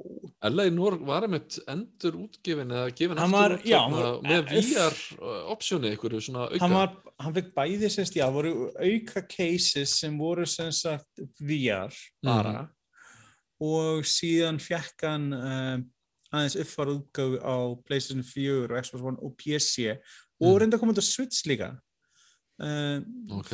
fyrir nokk svona þrejum ára þrejum ára sér ég menn hvað var þannig og já, Portal 2 líka ég bara Á, ég- rosa mikið fenn af Portal sko. já, æðislega leikur, er svona Portal 1 var góður en sko sagan í 2 er það sem þú veist, gameplay er þetta frábært, augljóslega mhm. en sagan í 2 finnst mér æðisleg æðislega sko. og það, það var líka hægt að fara í co-opið sko. mér langar Já, í er- er ég hef ekki- Portal 3 sko. uh, sko Telja upp á- ekki- á. Valve á í rosalega vandra með tölunum þrjú. Þeir bara verðast ekki, verðast ekki geta hana. Dans, sko. verðast ekki kunna hana, hún er ekki til í orðarbarðarinn þeirra. Ég menn Half-Life 3, Portal 3 ég mun, Team Fortress 3 ég var svo til í þetta er ímyndaður Orange Box 2 með þessum pakka. Þetta er svona skrítið, þú veist.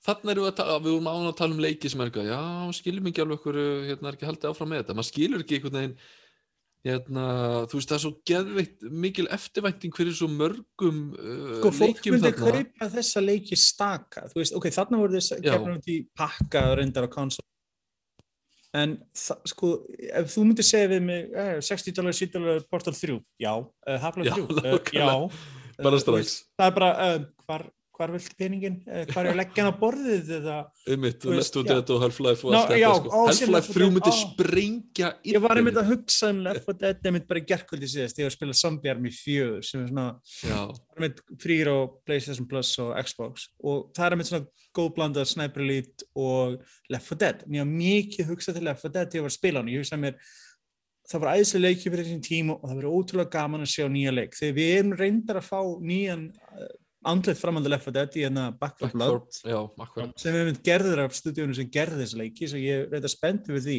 það er kýtt á gameplayinu? eða?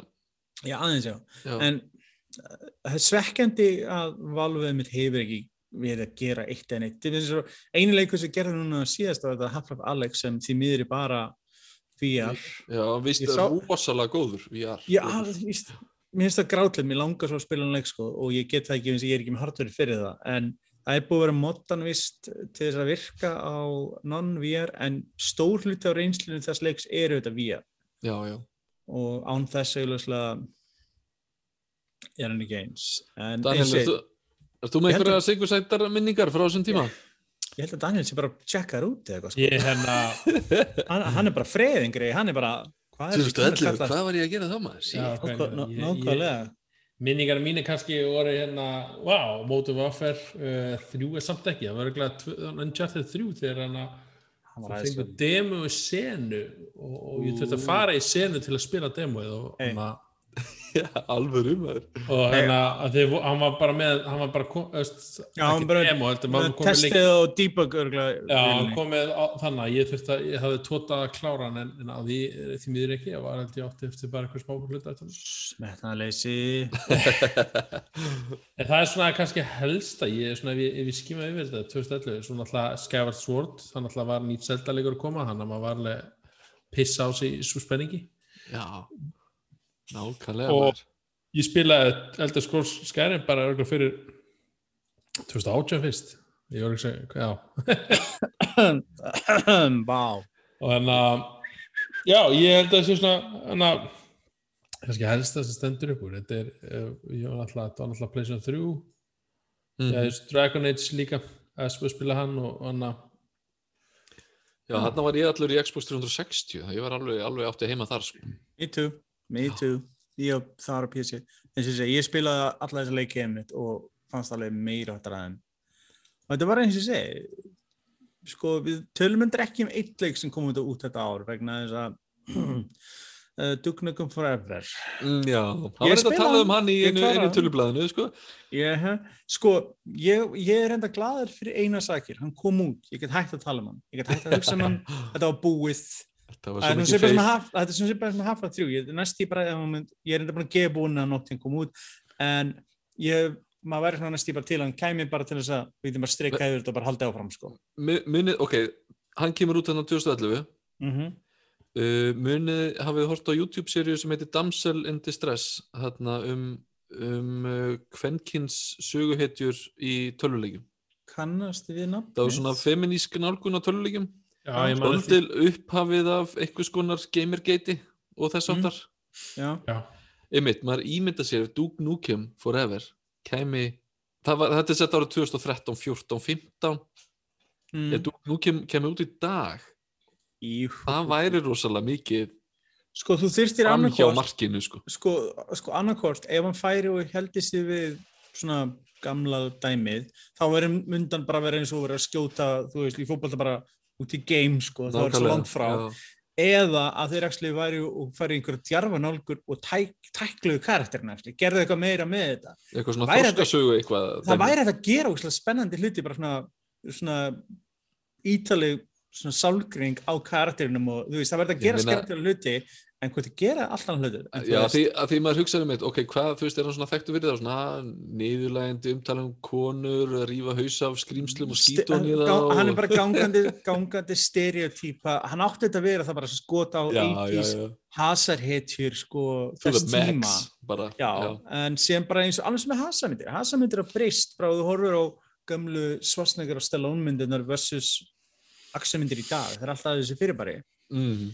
Og hann er, hann er svona eins og því arfleð gamalla tíma sem mest, mest best er að mörguliti Duke Nukem 30 var rosa, rosa góður. En, en sko en það sem þessi leikir uh, arflega leikina sem ég sé er ekki þetta þú veist þessi uh, kvennfyrirlitning og allir þessi rasismi og all, all, all, allur þessi ismi sem er aðleiknum heldur það sem ég fannst stend uppi hjá mér er þessi leikir voru byltingandi fyrir hvað voru interaktiv, hvað voru haft áhrif mikið umhverfið, hvað voru gert mikið. Á þeim tíma, 1997 var þetta bara mind-blowing dæmi.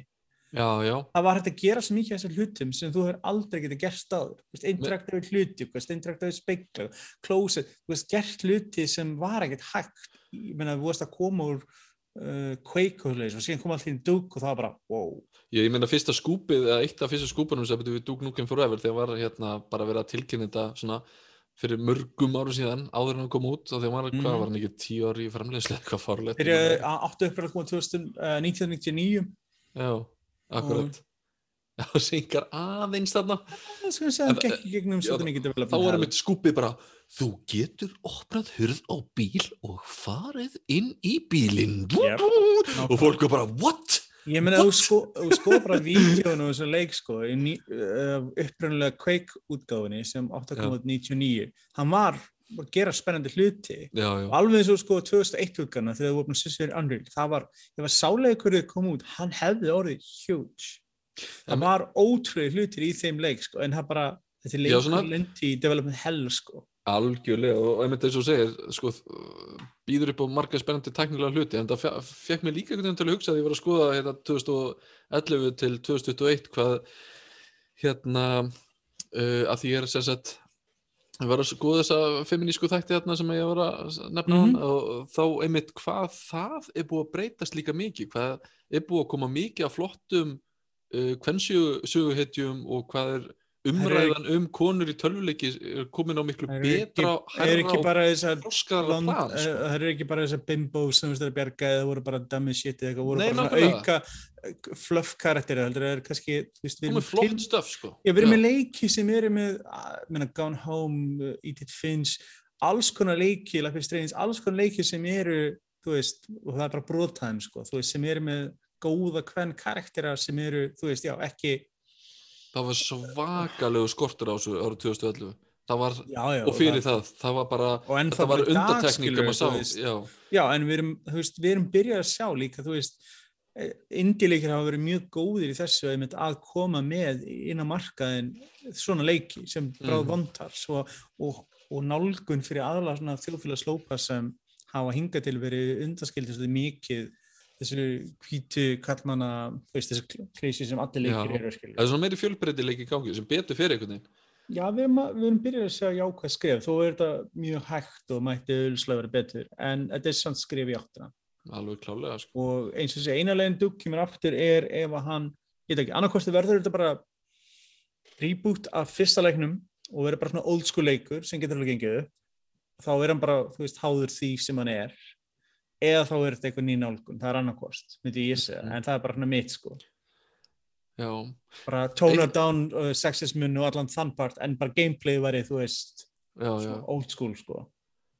Það er líka, líka eitt í viðbót hérna sem ég bara allt í hún að poppa upp í haustum að sagt, líka eina ástafunum akkur ég hafði svo mikið passion fyrir að búið til nörd Norsis á sínum tíma var hversu ógeðslega lítið var yfir höfuð fjallað um tölvuleiki á bara já, íslensku miðlum veistu hvað það Hvað, var? hvað, hvað ég finnst ykkur um þetta í dag? Hvernig finnst ykkur stemningin í dag á þessu? Þetta er alltaf orðið bara svo mikið eh, Facebook þetta er svo mikið samfélagsmiðla efni Ja, Facebook, Mhm. Twitch, YouTube sko, Twitter og þú veist, þetta er svona, þetta er svona það er á nálgunin í dag hvað þú færðir upplýsingan um hérna þetta er meira samþygt sem svona almennu hlutur en var, en ég man Já. eftir, þú sér það, þú veist, ég er búin að vera í þessu svipan sem Bjarki heldur lengi ég man eftir brasi niður bara yfir höfuð í byrjunni, að fá bara búlt að taka mann alvarlega yfir höfuð. Stór hlut að liðin sem maður tala við bara, bara lokaði á mann strax.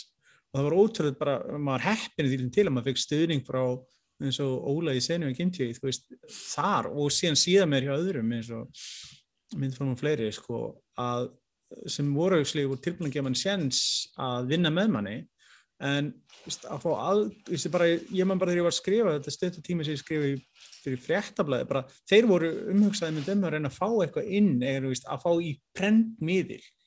Já, Um það er svona ákveðin tölvu- um- viðurkenning. Já, um tölvuleik, sama hvað stutt það var þú veist að vandaði rosalega mikið að þú vinna í hérna litla ramma þessu fjárstengstar aftur í baksíðinu en bara það eitt að sér og gast fengið það, að það var hægt að það var, var nóg gott til að vera hluta af þessu, fannst mér merkilegt og það Mhm. mm. ástæðan ég samþýtt að gera það var vegna þess að mér langaði mitt að færi þetta þannig að einhver geti lesið þetta Ég, ég man mitt eftir að því ég flutti sér satt út til London hann 2011 og bjóð þar 2011-12 og mér var svo Mm. magnað að fara í það batteri þar sem að var, þú veist ég var að tala við doktora í, í tölvuleikjafræði, skilur mm. uh, ég, það var til hægt að fara í alls konar tölvuleikja nám, bæði fræðilegt og svona hönnunarlegt og bara praktísk og forritun og alls konar það var ekkert í gangi í Íslandi þegar maður fyr, Nei, fór, fór, fór út í, í hérna neðanýralesta kerfið veist, Mhm. það voru risastóru auðlýsingar bæði í sjónvarpi, dagblöðum á byggingum, neðarlegstögnargöngunum þar sem var verið að auðlýsa nýjustu töluleikina mm Mhm. maður sé þetta ekki, þú veist, á enn- strætó og, og stóra auðlýsingaskiltur á maður Íslandi, ekki um í, ennþá, í ekki í dag Danmörku, sko. Þískalandi, Breitlandi og sérsvoleiðis og hvað það er bandaríkjunum. En, þú veist, já, það er líka bara jákvæmt núna, einmitt hvað við breyst, einmitt upp á fólk sem vil stunda þetta nám og fleira, í háskólanum og hérna upp á ásprú og fleiri stöðum sem eru möguleikar sem voru ekki til. Herru, já, sjáta þetta á mentaskólan Tröllaska þeir eru að fara að Mhm. bjóða upp á alls konar Hvað það? Þetta er og ég snilta segi. skóli sko. Já, það er gaman að sjá gamla skóla minni mynd að breytast. Fórstu í hann? Þetta er gamli gakkfræðaskólinn á Úlsri. Já, ok Ég var þarna maður, þú veist, mörg Þekkir auðvitað fyrir viki. Já, Nei. þannig ég þekki þessa byggingu auðvitað vel fyrir viki. Já, En þetta er gamli gagginn. Næs Þú varst búin barnaskólan og þú varst í gaggo. Ha. Ég er það gamall, ég man þetta að hoppa fram með þakkinn hann einhvern einhverju snjóskabla og fleira á. Þannig að, en það er annað. Brjálæðingur Ég ekki Það snjóar mikið þarna Það snjóar mikið þarna Hæ, virkilega, Ha, ég hef já. aldrei tekið eftir því að móka rosalega mikið magn á snjó á æfinni. Ég, ég búið með skamti minn þensan, sko, bara á búaðinu við norðan. Já, já En, en eins og segi, það er einmitt, eins og segi, bæði eins og þetta á sprú, talliskaflega, gaman að sjá einmitt hvað hefur verið að gera síðust árin, hvað Mm. þetta er að opnast upp fyrir fólk sem er yngra, gaman að sjá að það hefur miklu mér möguleika og það er ekki alltaf að fara út, þó að margir fara út setna með þér, en bara til að gera basic hluti, sko. Ég manna, Mhm. skólafélagi minn þurfti að vera til Svíþjóð til að læra eitthvað tölvunandæmi sem í dag hefum við getið gert hérna, sko. Þetta er auðvitað litli markaðar og allt þetta sko en Já, já, en mér finnst, mér finnst hérna uh, rafíþrótasambandi líka eftir að það var stopnað og Mhm. þá finnst mér alveg geðveikt hvað það hefur einhvern veginn smita út frá sér. Það er svipa leiti algjörlega. nokkrum mánuðu setna byrjar Game TV að stríma Já, og, og líka verða meira strímara Líka samfélag. bara að sé sínd í sjónvarpur, og þau eru hérna frísi sem er fyrir framhaldsskólan svona keppni Já. bara eins og eru alls konar íþróttakeppnir og voru hérna hluti af Reykjavíku íþróttamóti eitthvað í lögutasöllinni og þetta er bara orðið svo miklu stærra það íþrótt, ykkur og líka bara blandan íþróttafélagin líka, finnst mér rosalega jákvæmt að sjá að þau skulu, frábært. áður fyrir var bara íþrótt var bara, ögh, hvað er svona ymgjart sem er eitthvað, tölja ekki, ögh, svona fótbolta og þau ekki á það, og í dag er þetta allt öðru, þessu tekið, Já. þú veist, það er pælt í þessu, og þetta er, ég er rosalega gaman að sjá, ég, ef ég ætti krakka sem var þessum aldrei, þá væri mjög gaman að ég tekið þátt í þessu svoleiðis einmitt. mm. nákvæmlega En, það er bara að gerast á já, en við Já. gamle kallaðum getum til um endalist um nostalgíuna, en Já, ungi að maðurinn stoppa einhver hérna- Já, en ungi maðurinn hérna, uh, herra Nintendo, hann ætlar að fjalla, að fræða okkur um uh, tölvuleiki sem, hvað, kom út á þessu ári og síðast ári bara. ætlar bara aðeins að fara okkur nær nútímanum, eða ekki? þetta er nú all já, er, er þetta ekki alltaf þessu ári er, Macquett á kannski Uh, kom Bugsnax ekki um það byrju sem talan komið, kom hún ekki í desember? Jú, hún kom á alveg fyrst, rétt, ég- fyrst, fyrsti ókipis leikur. Er En, en, en hinni tveir eru báðir Við þessu- svo Bugs Next er að tvekja eða PlayStation sé bara eitthvað þryggja mánu gamur bara að bara fá hún er meira háls árs Þetta þetta ári er búið, að síðustu tvö ári er búin að Verða skrítin, skrítin að líða, við skulum bara orða þannig. nákvæmlega uh, já, ég hérna eins og segi ég var, var, var búin að segja, nefna fyrir þetta að ég hérna kláraði Ghost of Tsushima og ég var ekki alveg tilbúin að stökka beint í, í, í annan hasarleikin eða annan svona stórleikin strax. Og þá er ég með, með Control á hliðlinni sem ég kom út á PlayStation Já, 5 frá, frábæleikur. eða, plus, áskriftinni. En Já. fleiri áskriftarleiki það er Bugsnax og Macwet Maquette. Maquette, þakka fyrir, ég kann ekki eins og bera fram. Eh, ég þetta eins og googla hvað það þýtti þetta er líkan. Það er þetta uh, líkan, eða svona, þetta er svona Það er eh, búið til með kett, þú getur ykkur já. fígur eða líka hana Þetta er svona eftirlíking þegar þú væri með, þú væri með enna, til dæmis eftirlíkingu á, á, á, á, á bænu þínum, breiðoltinu Mm. Maquette, þú veist þarna sem er svona Kortið Reykjavík í, í ráðusunni er að þessi. hvað er þetta, er svona, er svona lík, líkan ekki íslenskóði Jú. allavega, uh, Bugsnax ég, ég ég ætla ekki að fara djúft í þessa leiki Ekki spóila endin mjög þetta kláran, mér skýrst það sig að geggjað. Þetta tjókaði það? Nei, tjók, ég er ekki veist. Nei, nei, auðvitað, spóila ég ekki þannig endinum. Nei, ég, maður veit aldrei, mér er bara, þú veist, annars það verður spoiler warning og allt saman og... Já, já, nei, nei, nei. Uh, þetta er einfaldur uh, leikur, ég myndi halda, ég, eða, nei, ég held ekki, þetta er svona leikur svona, jú, ég, ég ætla að segja, ég ætla að halda að segja svona meira fyrir svona yngri kynsluðum. Eða Þann- hvernig hann er, hann er, hann er með alveg skemmtilegan húmor, mjög krútlur alltaf, en þau eru komin svona næstu, cartoony eitthvað. Já, næstum sýndur. hálnar inn í leikin þá er hann orðin alveg bara eins litur, bara þú ert komin með alla hlutina, út af hvað gengur Bugsnax, jú, þú ert komin þú ert bladamæður, uh, þú ert sendur á okkur að eigu, hana sem heitir Bugsnax, nei, nei hún heitir ekki Bugsnax, það er, það eru hérna, dýrin, Esmar. dýrin sem heita Bugsnax þannig að uh, dýrin eru öll gerð úr, úr uh, svona matvælum. Annarkvort hérna uh, það er að segja matvælega drikkir það getur Eða verið ávöxtum eða eitthvað það. Já, matvæli. Uh, eins og segið, það getur verið hérna, skrýðandi pilsa eða, hérna, eða hérna gulrút. Já, þetta er, þau eru svona, svona, svona uh, resembla, hvað segir hérna, minni svolítið dýr. Þú veist, það er alltaf, sér alltaf skrýðandi pilsu með augum, með svona googly eyes og, og hérna, og, og tilgangur þinn er bara að veiða þessi dýr, uh, bugsnacks sem það heita, og, og hérna, og það er fólk sem býr á þessu eigu eða er búin að sem svona tilikja þessu eigu sem hann að er búin að vera rannsaka, rannsaka þessi dýr að einhver leiti en ekki nóg mikið og þú átt að gefa þeim að borða hana slæði og hvers skipti sem þau borða dýrin þá breyta útlimið þeirra hendur, fætur, háls eða eitthvað í, í viðkomandi dýr. Þar að segja að þú gefur segi, anna, einhverjum, einhverjum aðeila pilsu þá alltaf færðan alltaf á pilsu hendur, þetta er voða, voða stiktur leikur þannig séð. Já, og það er eitt, eitt árið það. það er svona, þetta er mjög, eins og mjög þetta er frá sömu framöndum og gerði hérna Octodad. Jep. Anna, Það var Annar trippleikur. já, Það er þetta er alveg, mjög stygt svona, en samt svona mjög gaman og, og, og eins og segi, en að Bugsnax er mjög einfaldur, hann er þú veist, hann byrjar ymitt að vera svona ald- hann er aldrei neitt flókin, hann byrjar að vera svona áhuga, tegir lopan svolítið svona fullt af dýrum og þú getur safna verkunum og safna öllu dýrunum, fanga öll dýrin þú fær allskist tól fyrir það, þú fær svona net eða svona allavega eitthvað svona gildur og þarf það að lokka dýrin í gildrunar og hvernig lokkar dýrin, jú þú veist eins og hambúrgarinn, hann vill hins vegar ekki komast í hérna annað gildruna en þú sprauta tómatsósu veist, og þá eldir hann tómatsósuna og, og veist, og þannig fangar dýrin eða Ég er Eða- aðeins búin að pröfa einmitt, sko, en, en ég það er að sakka með mér í hann. Já, og hann, hann eins og segja, hann er eins, eins skrítin og hann hljómar, hann er hann og er mjög krútlur hann er mjög skemmtilegt talsettur og hann hefur alveg svona, svona mikið pönslænum eins og hann, hann pönslænum svona nútíma bröndunum.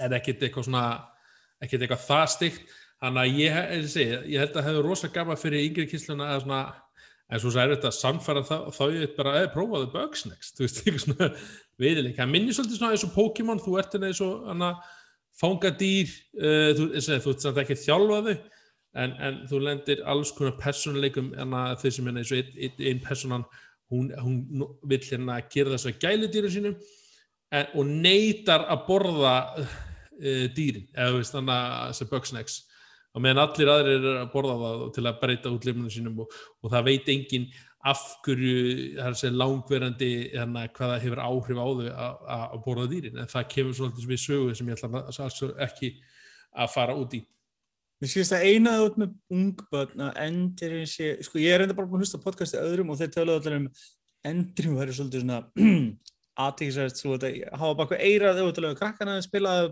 minnstu vera viðstandur þegar sápartir kemur. Og hvað, er þetta eitthvað, eitthvað bannað það?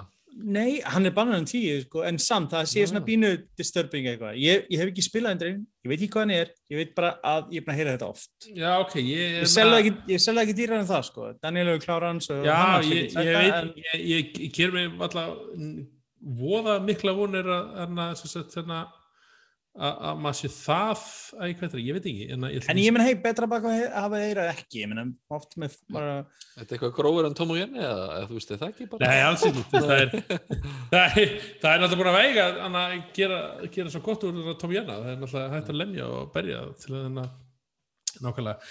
Eh, já, mér fannst það ég að segja, það er svona, þú ert hérna með myndavill, svona er þremur þá að skanna dýrin, þá lærir þú hvað þið óttast og hvað þið elska, þú veist, og það er að segja það er alls konar leiði til að fanga dýrin.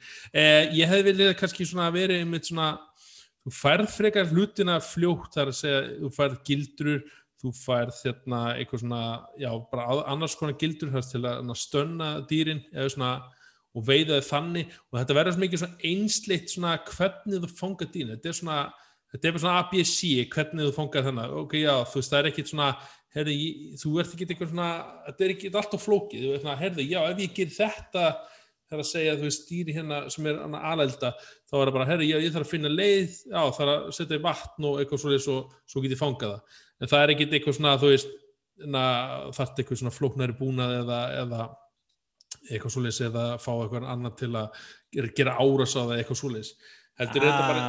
Ég las ég þetta ok. ég skil hvað þetta er samt núna. Ég fatt ég... aðurinn að betur. Það er að segja það, ef, ef þið hérna vilja ekki hana, hana, hlusta spólir þá bara fara að lesa um spólir eh. en, en að já, hann er mjög krútluður og, og, og, og skemmtur, ég er alltaf að tala um allt og mikið bóksleis, ég ætla nú að tala um skemmtur uh, mælið með honum Um, hann var frýr á PlayStation Plus á PlayStation 5 reynda bara þú prófaði eitthvað Björki, þú þið varst að leið Já, ég, ég prófaði hann og ég spilaði hann í kannski ég prófaði að spila hann líka með krökkur og það var bara engin stemning fyrir þessu leik sko, við heldum við ennst í hámark klukkutíma og ég vengar okay. að kíkja eftir í hann en mér finnst þetta svona einmitt, mér finnst hugmyndin hljómaði svolítið spennandi og svona lúkaði svolítið silli leikur en mér finnst bara gameplayið og heimurinn ekki alveg ná að fanga mig En Nei. kom hann bara út á PlayStation 5 eða? Nei, Nei. Uh, hann var ókipist þar allavega. Já, hann, hann er til á PC líka. Sko. Epic, ekki Game Store allavega. Hann er ekki PlayStation 4? Nei. Nei, nei það er svolítið skrif. Jú, hann er vist á PlayStation 4. Nú, nú, hann er það. Okay. Eins og ég myndi, hann var bara fyrir PlayStation 4. En hann er til á PlayStation 4, uh, Mac uh, og PC. Já, og þetta verður ekki að pleysa fjör því að þetta er ekki eitthvað að pleysa fimm leikur Nei, gat, nei, nei, nei, nei. Sko. Þetta er eins og segja, hann er hann til á öllu þessu plattformi Er, er, er, er maður lengi að klára hann eða? Uh, ég held ég spila hann 30 tíma Nú, ok, en það býður alveg á djúsi í stöf Yes, það plattina mann, þú veist, þú ert að missa þráðin svona, þú ert ekki komin helmingi þá er ekkit svona, þú veist, þetta er ekkit eitthvað major endir þannig séð, þess fattari að talaði um að þú getur klárað hann á millir 7 til 11 tímum en lengur þú ætlar að complete allt. Já, já, já. en þessi, svo er náttúrulega með leikin í gangi og ég veit ekki hvað hérna completionist. Mm. ég fyrir alltaf howlongtobeat.com þegar ég er að sko spilna tíma oft, fínt okay. að hafa þetta baka verið allt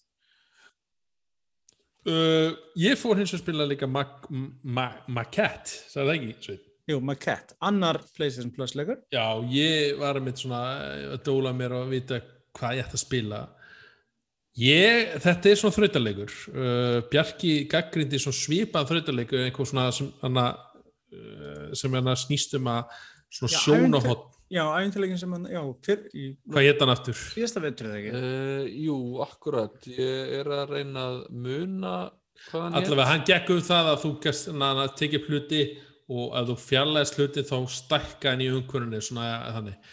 Uh, Maquette er, er, er, er svipaður koncept nema það er sögurþráður í honum og gengur út af hérna Já, lappa milli, þetta er svona, svona gunguhermir, þú ert bara fara, að fara á, á vissu parta og vera að segja sögu sem ég fannst hún allir lægi takast í, hún hafði pínu áhrif á mig þannig séð, það var svona manna, ó, veist, mér fannst þannig að talsendingin góð og, og gaman. Og, og ég segi, líka þetta gengur þetta það að þú ert í, í einhverjum heimi sem er hérna inn í einhverju svona reysa dóm, sem er reysa stór kassi, fyrsta þrautin er, veist, hann er að blokka vegininn og hvernig kemstu það fram í honum? Í miðjun á borðinu sem þú ert er nákvæmlega eins líkan og, og veröldu þín sem þú ert í. Og það er að segja, ef þú tekur upp kassan í þeirri veröld þá færis kassin líka í það er að segja í þinni stærð, ef, ef svo rétt stærð er að segja, þú veist aldrei hvað er rétt stærðina því að, að þú sér mismöndi sjónahátt á hlutunum. Mm -hmm. En, en svo gengur þetta líka út á það að þú, þú getur þetta hoppað úr, úr, úr, úr þessar, þessar vít yfir í ennþá stærri veröld eða þú skilur hvað með Þannig að það eru þrýr heimar. Já og, og, og hann týsar þú ert bara að vinna með þessar þrjá heima sko. Ok, ok.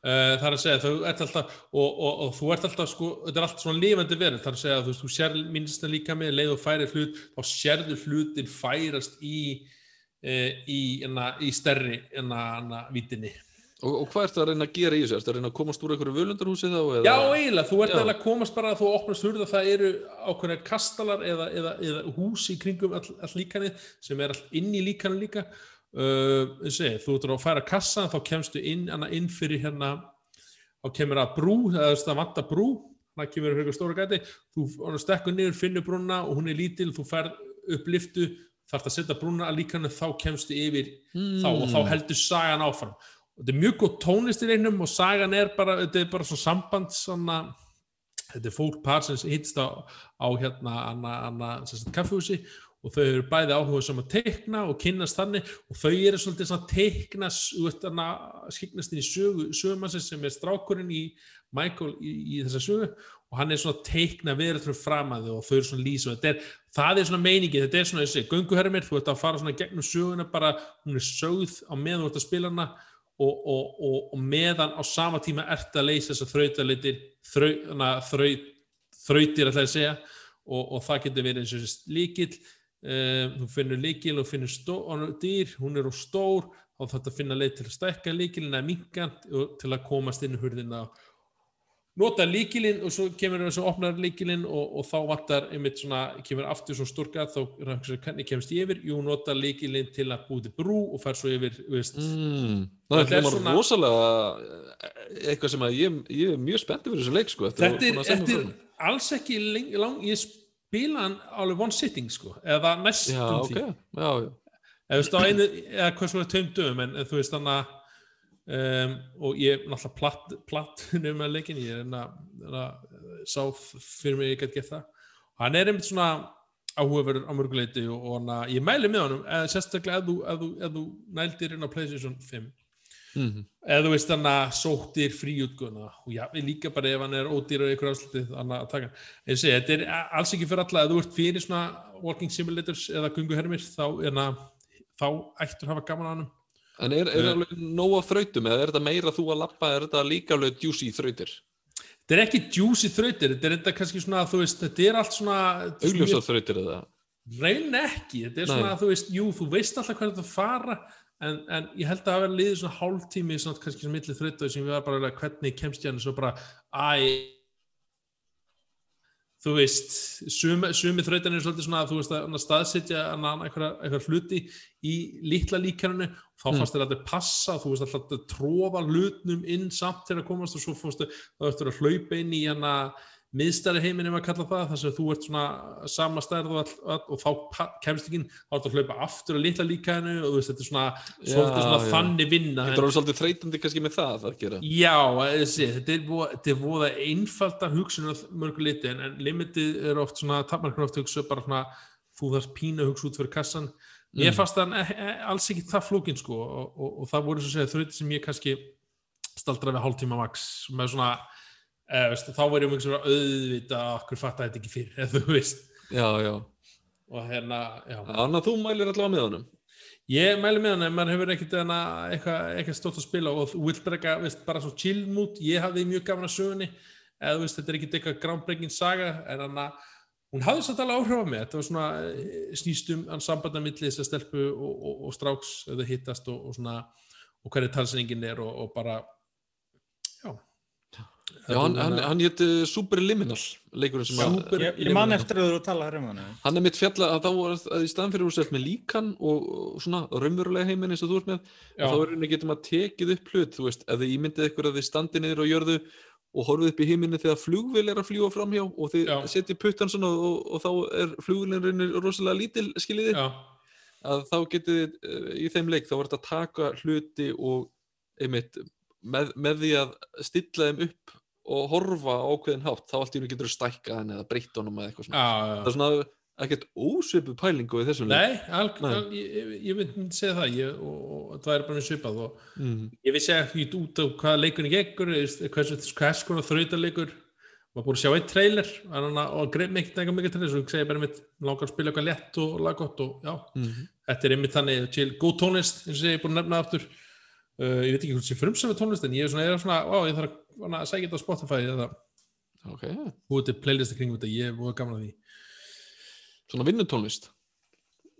Nei, svona chilluð, þægileg, góð Já, pop, ok. eitthvað veist svona, veist, jú, jú, kannski vinnutónlist eða þú veist, það fyrir bara eftir þegar þú vorst að segja vinnutónlist, það kannski svona rektinni eða, eða bara vinnu eitthvað Já, skúr. nei, rækti, nei, en, en, en þú ert kannski, jú, við hérna svona chill, engin texti, eitthvað. jú, jú, það slow er beats, eitthvað, já. Na, já, Bakgrunnstónlist sem þægileg. mm nákvæmlega Herðu, já, það er hérna ég ætla, við ætlum að líka að tala um Oddvold ef að taka alls veit fyrir eða eitthvað hérna, hafið þið spilað hann eitthvað? Ég er aðeins með að á hann. Ég hérna, ég, ætla nú, ég er nú búin að spila mjög lítið, ég er ekki búin með hann en það er leikur sem ég þóli ekki. Þið langar aðeins að reyna við Rottworld. Ó, man. Já, ég, ég svona ég, Og Daniel hefur verið vondum við einhver töluleik. Hvað? það er nefnilega, er, nefnilega svolítið svona, ég er alltaf góðu við töluleiki af því Mhm. leiti er að ég spila ekki, eða ég reyna að spila bara góða leiki af því að ég hef bara ekki tími það lélu Þú verður að spila vonda líka, það er nöðsilegt til að geta jafna þetta út aðeins. Þá horfður maður að, að öðrum augum á góðuleikina. Þá er maður bara, ó, takk Það er fyrir. svo að slæmar bíómyndir, stundum er það veit Það getur að finna. en uh, ég veit það nú ekki en Og hva- Og hvað er það sem gerir þennan leik svona Sko, hann er, ég, já, ég, ég er kannski, er ekki Oddworld fan, ég var að setja minn fyrsti Oddworld leikur, hann kom á á PlayStation 5 Plus frítt, þannig ákvæði að kíkja á hann. Uh, ég var að vera svakalega PlayStation fanboy hérna eftir þetta fatt. Mhm. Bíddu, Nintendo Hvað er í horninu að segja eiginlega? Ég- að þessu? Þeir er náttúrulega bara að drepa Mario hérna. Herri, já, hann gengur út af hérna, segir, þú ert einhver, vera einhver vera, sagt, að, að svipar eins og einhver nefndi lemmings, þú ert að hjálpa verum sem hafa verið hana, þræla halds einhverja vondukalla í þessum heimi, sem ég er ekki eins og með nafn á. Og Abe, A-B-E, þú Abe er eini hérna svona, er hérna eini maður sem getur svona bjargað þeim á einhver mjög óskilina hátt. Það er karakter þinn. Um, bjarga með það leiti að, að þú þarft að búi til hérna svona já, healing potion og þarft að hana, bú, hana, sagt, hérna lækna eða gefa mótefni hérna þessum köllum möllokks held ég að heita og, og þú fær svona að stýra þeim. Og þrautin er að þú þarft að koma þeim á, frá, inn í ákveðin svona vítir eða portal svona gáttir og koma þeim út og, og, bjarga þeim. Og, og það, er x margir möllokks í hverju borði, það getur til að verið 20 og markmið er er að bjarga allavega 80% eh, til þess að fá einhverju viðkynningu þegar ég segist ekki þólan mér finnst það svo einsleitur, þetta gerist einhver eðimörk bara steinar, þetta er bara allt svo grátt og brúnt allt saman og karættinni Er það ekki eins og ég tákaði bara fyrir plottið? það getur vel verið, ég er ekki komin lengur en það en, en, en, en, en þessi og, og, og, og hérna uh, allir karakter tala eins og þessu nefnmæltir líka aðalpersonan ég, ég, mér langar ekki hérna að líka við hérna og ég bara ekki og, og ég hefði svona hugsað bara af hverju er þetta nöðsynlegt og allir tala svona, allir breyta röttir eins og sé svona fiska eða kallar, ég veit ekki. Það er einhvern veginn svona það pyrra mig meira en heldur en að hugsaði, hefði ekki hægt að gera þetta með svona alveg röttir einhvern veginn og, og, og jú, jú, það er sumi kannski er að deyja og að geta breytt röttinni í samkvæmt því en, en, en eins og segi, það er allir eitthvað voða furðulegir uh, hann er, er oft erfiður í stýringum, þú, það er þetta checkpoints allstaðar í leiknum þannig að þú deyr þá, þá hérna þá byrjar ekki langt hana, undan her að segja, hana, langt frá staðinu svo dóst og svo ef þú tapar hérna þessum modlöks eða deyja þeir langar kannski einu náða bjargöllum þá getur þú restarta checkpoints bara og, og, og, og þá heldur á, á þeim stað. Þú veist, það segir verið hvert checkpoint þannig að þú deyrð eða, eða, eða tapar lífi eða veist þannig að eitthvað svo leys, þá byrjar bara aftur checkpoint eins og, eins og, eins og ekkert hafa gerst síðan þá Uh, stýringan þannig þetta er svolítið svona, maður er alltaf að deyja svona einhverju óvart uh, og maður er svona uh, hopp upp á sillur og, og hann er ekkert að grípa rétt í eða, finnst mér og stýringan er svona klöngi og maður er svona ég verð, ég verð meira pyrrar en, en, en, en hérna já, Þetta er svolítið trallnærur dæmi. já ég er svona eins og segi, þetta er ekkert eitthvað, veist, bara illa útfært þá, varst að meina það það sé bara svolítið alltaf læg hugmynd en, en útfærslan er bara ég glötuð veit ekki eins og hvað hugmyndi sé eitthvað heilla mig sko, þannig sé.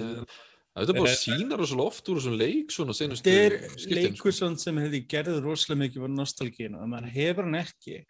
Ég man Já. eftir þessu leik þegar hann kom út á Playstation 1. til dæmis. Ég man eftir hann leik, ég, ég þetta frændi minn elskaði hann leik. Ég Já, aftur á móti var ekkert svo hrifun á hann, en ég, veist, ég man eftir að spila Ég- Lemmings á sín tíma og sem ég, það Já, ég spilaði Lemmings, Lemmings og það er náttúrulega annars öðru sér svona vissu leiti uh, þarna, veist, það er svona óvinni sérmann, ég veit ekki, ég ætla ekki að segja að sjáum mann alltaf fljóð, maður er svona fljótur að uh, ef maður- ef ef þú tekur eitt vilja skrif þá svona sé, sér óvinnin og, og, og þú kannski ætlar ekki að gera þetta og Hann þú er rosalega brútalega erlegstilling skilst mér og jafnvel, fólk sem hefur spilað talar um hans erfiðleikur en Já, ég held ég, ég held að það var til í easy móti, ég verði ekki að tjekka því. Ég, Ég held kannski að, já, sorry, ég gip fyrir fram. alltaf, alltaf, Mér fær svona tilfinninguna með það sem þú ert að segja, þetta sé svo rosalega mikið leikur, það er rosalega erfitt og þú ert ekki vanur þessu leikjum að fara inn í þetta, sem ég grunna þetta sé rosalega mikið leikur fyrir það að spila þessu leiki og það er gaman að þessu, en ég held að sé mjög mikið, ég held að gameplayið hefur örugglega ekki tekið miklum þróun fram á við, þó kannski umhverfið og tæknina bak við leikin.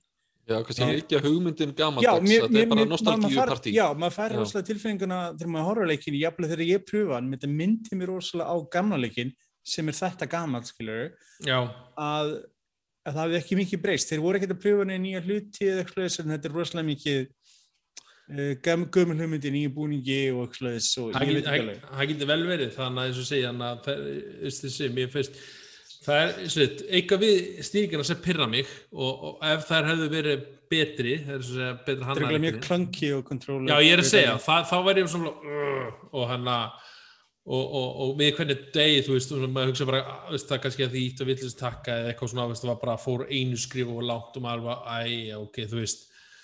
Og, og ég skilst þannig eiginlega ég, þú spilaði hann á PlayStation 5 býsti við, já mm, ég, já, Já, hann kom út á auðvitað PC og PlayStation 4. Mér skilst þetta að PlayStation 4 er góð, sérstaklega að þetta spila orginal PlayStation 4 og hún sé hryllingur. Hvað, Ekki- hvað þá bara 15 til útlitslega- fimm- 15 til 20 frames per second. á, ok, er bara Ég- eitthvað ég-. Sko, PlayStation Pro spilir 30, PlayStation 5 spilir 60 frames per second, skilst mér, en PlayStation 4 góðin er bara sáss ekki. Þannig leikur, þetta er ekki eitthvað visually fa- Hann er, samt, hann, svakalegur. hann er Hann- samt sko máli, hann er með rosalega stór borð og svona miklu dýft. og hann að státar, hann státar svolítið af því það er mikið að gerast í umkörnunu það er, það er Mm. svona eitthvað mörg loftbelgir svona og, og skjóta og, Hann er svona lagskiptur, það er mjög mikið hann er, er svona, svona þú veist þú veist, þetta er ekkert eitthvað sem grípa mann, það er svo einu, einu borðið þá hérna ferði í, með svona, hvað kallast það, í perlinni að, að þú sér ekki einu svona, ég kíki bara þú veist, svona, þú veist, og þú getur zoomað inn svona í borðið, ég er bara eitthvað hvað er ég að horfa á, þú veist á, er þetta, þetta veist, hann er sýnir mér ekkert, er ég að sína svæði sem ég eftir að, eftir að veist, það er eins og sé þess að þetta er svona, sína mér svona vísbendinga hvaða hættur eru framöndan en það sína ekki neitt og ég er bara svona, veist, til, hver er tilgjöngur með það, svo fær ég úr þessu þá bara eitthvað, hei, þá getur fengið svona challenge, ef þú nærð að færið þrjú mismöndi svona kíki, þá færið eitthvað metaníu, ég bara, ok, var Ég þetta einu tilgjöngurinn Þetta er gammal Eh, leikur í nýjum mm. búningi mörguleiti, sko. já, og, og, er og svo gammal leikur í gömlum búningi, eiginlega. Já, með svona smá glans ég, ég hef ekkert eitthvað mikið, ég hef ekki eins og búin að sjá hana, hana, eins og segja, dómana fyrir hann ekki að það breyti eitthvað því að það er gaman að vera svona feskur inn í þetta. Og hann pyrra meira en, en svona ég, ég sé, mér langar, ég, að því ég fekk að frýtt og, og talandi um það, veist, þetta, alltaf Sony hafi bara sé bara, við erum ekkert að fara að selja hennar leik bara hann frýtt á Ég hérna meina, hann er samt að koma út á PC líka og það getur Já. vel verið, ég meina, Abe-leikin hafa komið út á Xbox til dæmis, svo er ekkert Já. óhlögt þessi leikur skilir sér eitthvað annu plattform, Þannig að, en spurning hvað mikið þeir hafa stutt við hann einhver leiti til að fá hann, en ég veit það ekki, sko. Þetta er- þú- þetta er serið sem er alltaf tengd við PlayStation sín tíma. mm -hmm. Abe, upprænlega leikurinn var svolítið PlayStation dæmi. Já, það er eins og enna, það, hann er allavega ekki að hylla mig svo far, ég ætla að koma til með að spila eitthvað meira, við veist líka borðin bara svona, veist, ég er svona, eins og sé, ég vil reyna hjálpa öllum lifandi gegn, þú veist, þá þarf það að hugsa um sum þrautina oftur og aftur og, og uh, já, og, og þá þarf það frekar hlaða leikin aftur upp frekar oft og, veist, að því deg, og ég er að klára eitt borð á einn og hálf tíma sem er kannski, ah, það er kannski betra við hafa þetta bara 40 mínútur borð þú veist, eitthvað svona Já, ég, ég, ég, veit, ég er að glæða, svo ég kannið þá er ég kannski 20 mínútur hlöpið gegn þau en, en já, maður er svona ég er ekkert rosalega spennt fyrir þessu heldur sko. Þú veist, það er ekkert að þetta mín að vera bjargangur vilt að liði sko. Nákvæmlega Ég vil frekar leika mér að gera tilrunni á borðum í hitmöndlunni, það er skemmtilega. Akkurat. Uh, eins og segi, ef þið eru hérna keift eða fenguð hann á PlayStation 5 gennum hann að Plus Bluesin þá svona og hafið ekkert að spila Það er alltaf erfitt að tapa frítt sko. í, það er eitthvað að Það tapa kan ekki að prófa einmitt leikinn Já, þá. reyndar Hvað rétt. hvað er vestan sem gefum fyrir? Þið líkar ekki leikurinn og þú spilar ekki meira? Nei, ég meina Steinar, hann, hann var að segja að hann var að fíla hann og ég, að Hann það er líka, en það er líka Steinar er svona, já, hann er mitt herra sólspilarinn okkar, sko, hann er mitt, þú veist, Já, hann er ekki hann er hann, gaman að berja haustum í vegg og þang til að hann breytir sig. Já, en, en það er áskorun en þetta er ekki svona áskorun þannig séð, þú veist, er, þetta er ekki eitthvað svona þetta er, það, að, þetta er það erfitt, ég get betur þetta er bara svona, og leikurinn var ekki svona, ég ætla ekki að segja, hann hann, þú veist, hann er kannski verið hann að þessu, það þetta er kannski Nei, ekki nei, inspirandi. þetta er svona pínu gamlas fílingur. Eins og segja, ef, þú- varst Oddworld og fílar Oddworld, ég get, ég get ekki búið saman við gömleikin að því ég spila á ekki kannski er þetta eitthvað fyrir því, ég þarna, veit ekki en Þú veit að það er með svolítið rose tinted glasses í gangi ég þegar þú ert að spila. það, já, eins og segi þarna, þetta voru leikja þrennan mín þennan uh, lögudagskvöld það er þess að Bugsnax, McCat og, og Oddworld Mhm. Eh, Very nice. það er í, það er svona meh, yay og nei Vel orðað maður. Já Uh, já, ég held að það sé bara komið lókum í þættinni okkar núna eins og. Það Lang- Langar að henda einu, einu vinna áður en við klárum þetta. Það er hérna á heimasíðun okkar því við erum með einn gafalega viðbót uh, í tengslu við ammælisvisluna. Já, Það er hérna leitin að nördalegasta mómentinu. ok. Þannig að það er sagt við erum að leita að fyndnum, hugljúum, vandræðilegum og skemmtilegum sögum úr heimi nördana og það er þetta að lesa um þetta á síðun okkar og við erum basically fyrir nördalegustu söguna eða Ok. bestu söguna eða hvernig sem við orðum þetta. Svolítið hérna, já, að þá ætlum við að gefa sem sagt uh, gjafabref sem gildi fyrir tvo í svona VR flóttaleiki smarlind uh, borðspilið King of Tokyo sem er mjög klassíst hafið þið prófað það? Uh, Nei, ég Nei, get það er mjög, mjög skemmtilegt, mæli með því. Uh, 5.000 króna gjafabrif hjá gemstöðinni og svo tölvuleikin Nuts á Steam hann er sagt búin til af uh, íslenskum leikihönnuðum meðal, meðal annars svona sjálfstæðir leikihönnuðir og það sem úrst að, hérna, hann er mjög svona visually flottur úrst að njósna um hérna íkorna mm En his nuts, þessi- hvað hvað er hann svo- bannar inn á eða? Ég bara spyr. Hvað sér þau? Ég bara pæli hann er bannar inn á þetta sko nötsinu. Ég er bara, ég er kannski að fa- ég er kannski að fara alltaf átt með það, ég veit það ekki. Nuts, þetta er ekki þannig Nuts, Ah. þetta er þú veist netur sem íkornar borða. Ég er enda langar að kíkja á talandi um það, ég ætla bara úrslega spes, ég langar að að kíkja á, í smálbífin, þetta er aðna, byggir á aðna, einnaði mér aðna, Assassin's Creed. Já, ég til í þetta. Strákar, mér finnst að við um að kíkja á þetta. Við þurfum að gera það. Er að um sko. Það er búið að opna fyrir þetta held ég núna út af Nei, jú. ég-. Ef við ekki að stefna á eitthvað svona, Ég sá um þetta, ég sá um þetta, Assassin's Creed dæmi, þá var ég alltaf mjög spenntið þegar ég sá það. Escape the Lost Pyramid, já. Svo var hérna, uh, þú vorum auðvitað að nörd óskast, ég fengi Já, fyrst- við erum alltaf að reyna að fjölga hérna í fjölskyldinni, það er hvernig maður að orða þetta, sko. Við erum með við- meiri fjöl, fjölbreytni Já, meiri fjölbreytni. nýjar raddir. Akkurat, þannig að við erum bara að óska eftir einhverjum nörd sem að kannski bara henda það líka fram að þetta er því miður ekki borguðvinni heldur, rekin uh, áfram af áhuga semi og Á ástríðu, það er það, og það, er ástríðu, það, já. sem, það, er það sem fu- Þannig- fungerar í okkur alltaf. Þannig að þetta er borgað í, þú veist, sveittum uh, nördaknúsum og góðum félagskap held ég bara. Gleði, Og og, svo- gleði tárum. Já. Já, og maður kannski er mitt fá af og til einhverjar, einhverjar leiki til að gaggrina eitthvað, en, en bara einhver sem hefur áhuga, þú veist, að, að fjallum tölvuleiki eða, eða eitthvað annað sem við erum með, þá við erum auðvitað með áslega á tölvuleiki og við höfum verið með mjög lengi að þá er, erum við samt líka, reynum við líka að fjalla um, þú veist, Mm. Sem langar kvikmyndir og einhvern að- spil og fleira, sko. Um það, mér langar að mynda mér sem pröfu fjallum einhvern tíma kveikmynd ef ég fæng tíma bara í bíó oftur. Já, bóknað fyrir bíómaður. Uh, ég er langt síðan fyrir bíó sérst. Ég er enda að fóra Allt Godzilla myndina rétt á hann og lokaði síðast. Godzilla King Kong. Já, nú, dumb fun. Það var að krafan sem ég gerði. Eðilegging og dömfan, en já, en það verður gaman endilega sem ég segja, að fá einhvern áhersama mannesku að fjalla um eitthvað, bara hvað sem er eiginlega. Já, sko. nákvæmlega, Þetta- þannig að þetta bara er endilega inn í eina- sendi- einu kúltúr, sko. Bara senda línu á nerdnorðsins.gmail.com og, og hérna heyri okkur og við ætlum að bjóðum upp á flottan plattform ef þið hafi áhuga á að koma efnin eitthvað áfram og Mhm. um eitt hérna erum, erum til staða fyrir hvern annan og bara að hafa gaman að þessu, það er svona aðalmálið Jep. Já, ég held að þetta sé bara fín lokorð ég með bara takk fyrir mig og við bara sjáumst vonandi bara mjög fljóðlega eftir heyrist þetta mjög fljóðlega eftir Gerðu það, takk fyrir okkur Bless. Takk fyrir. Bless.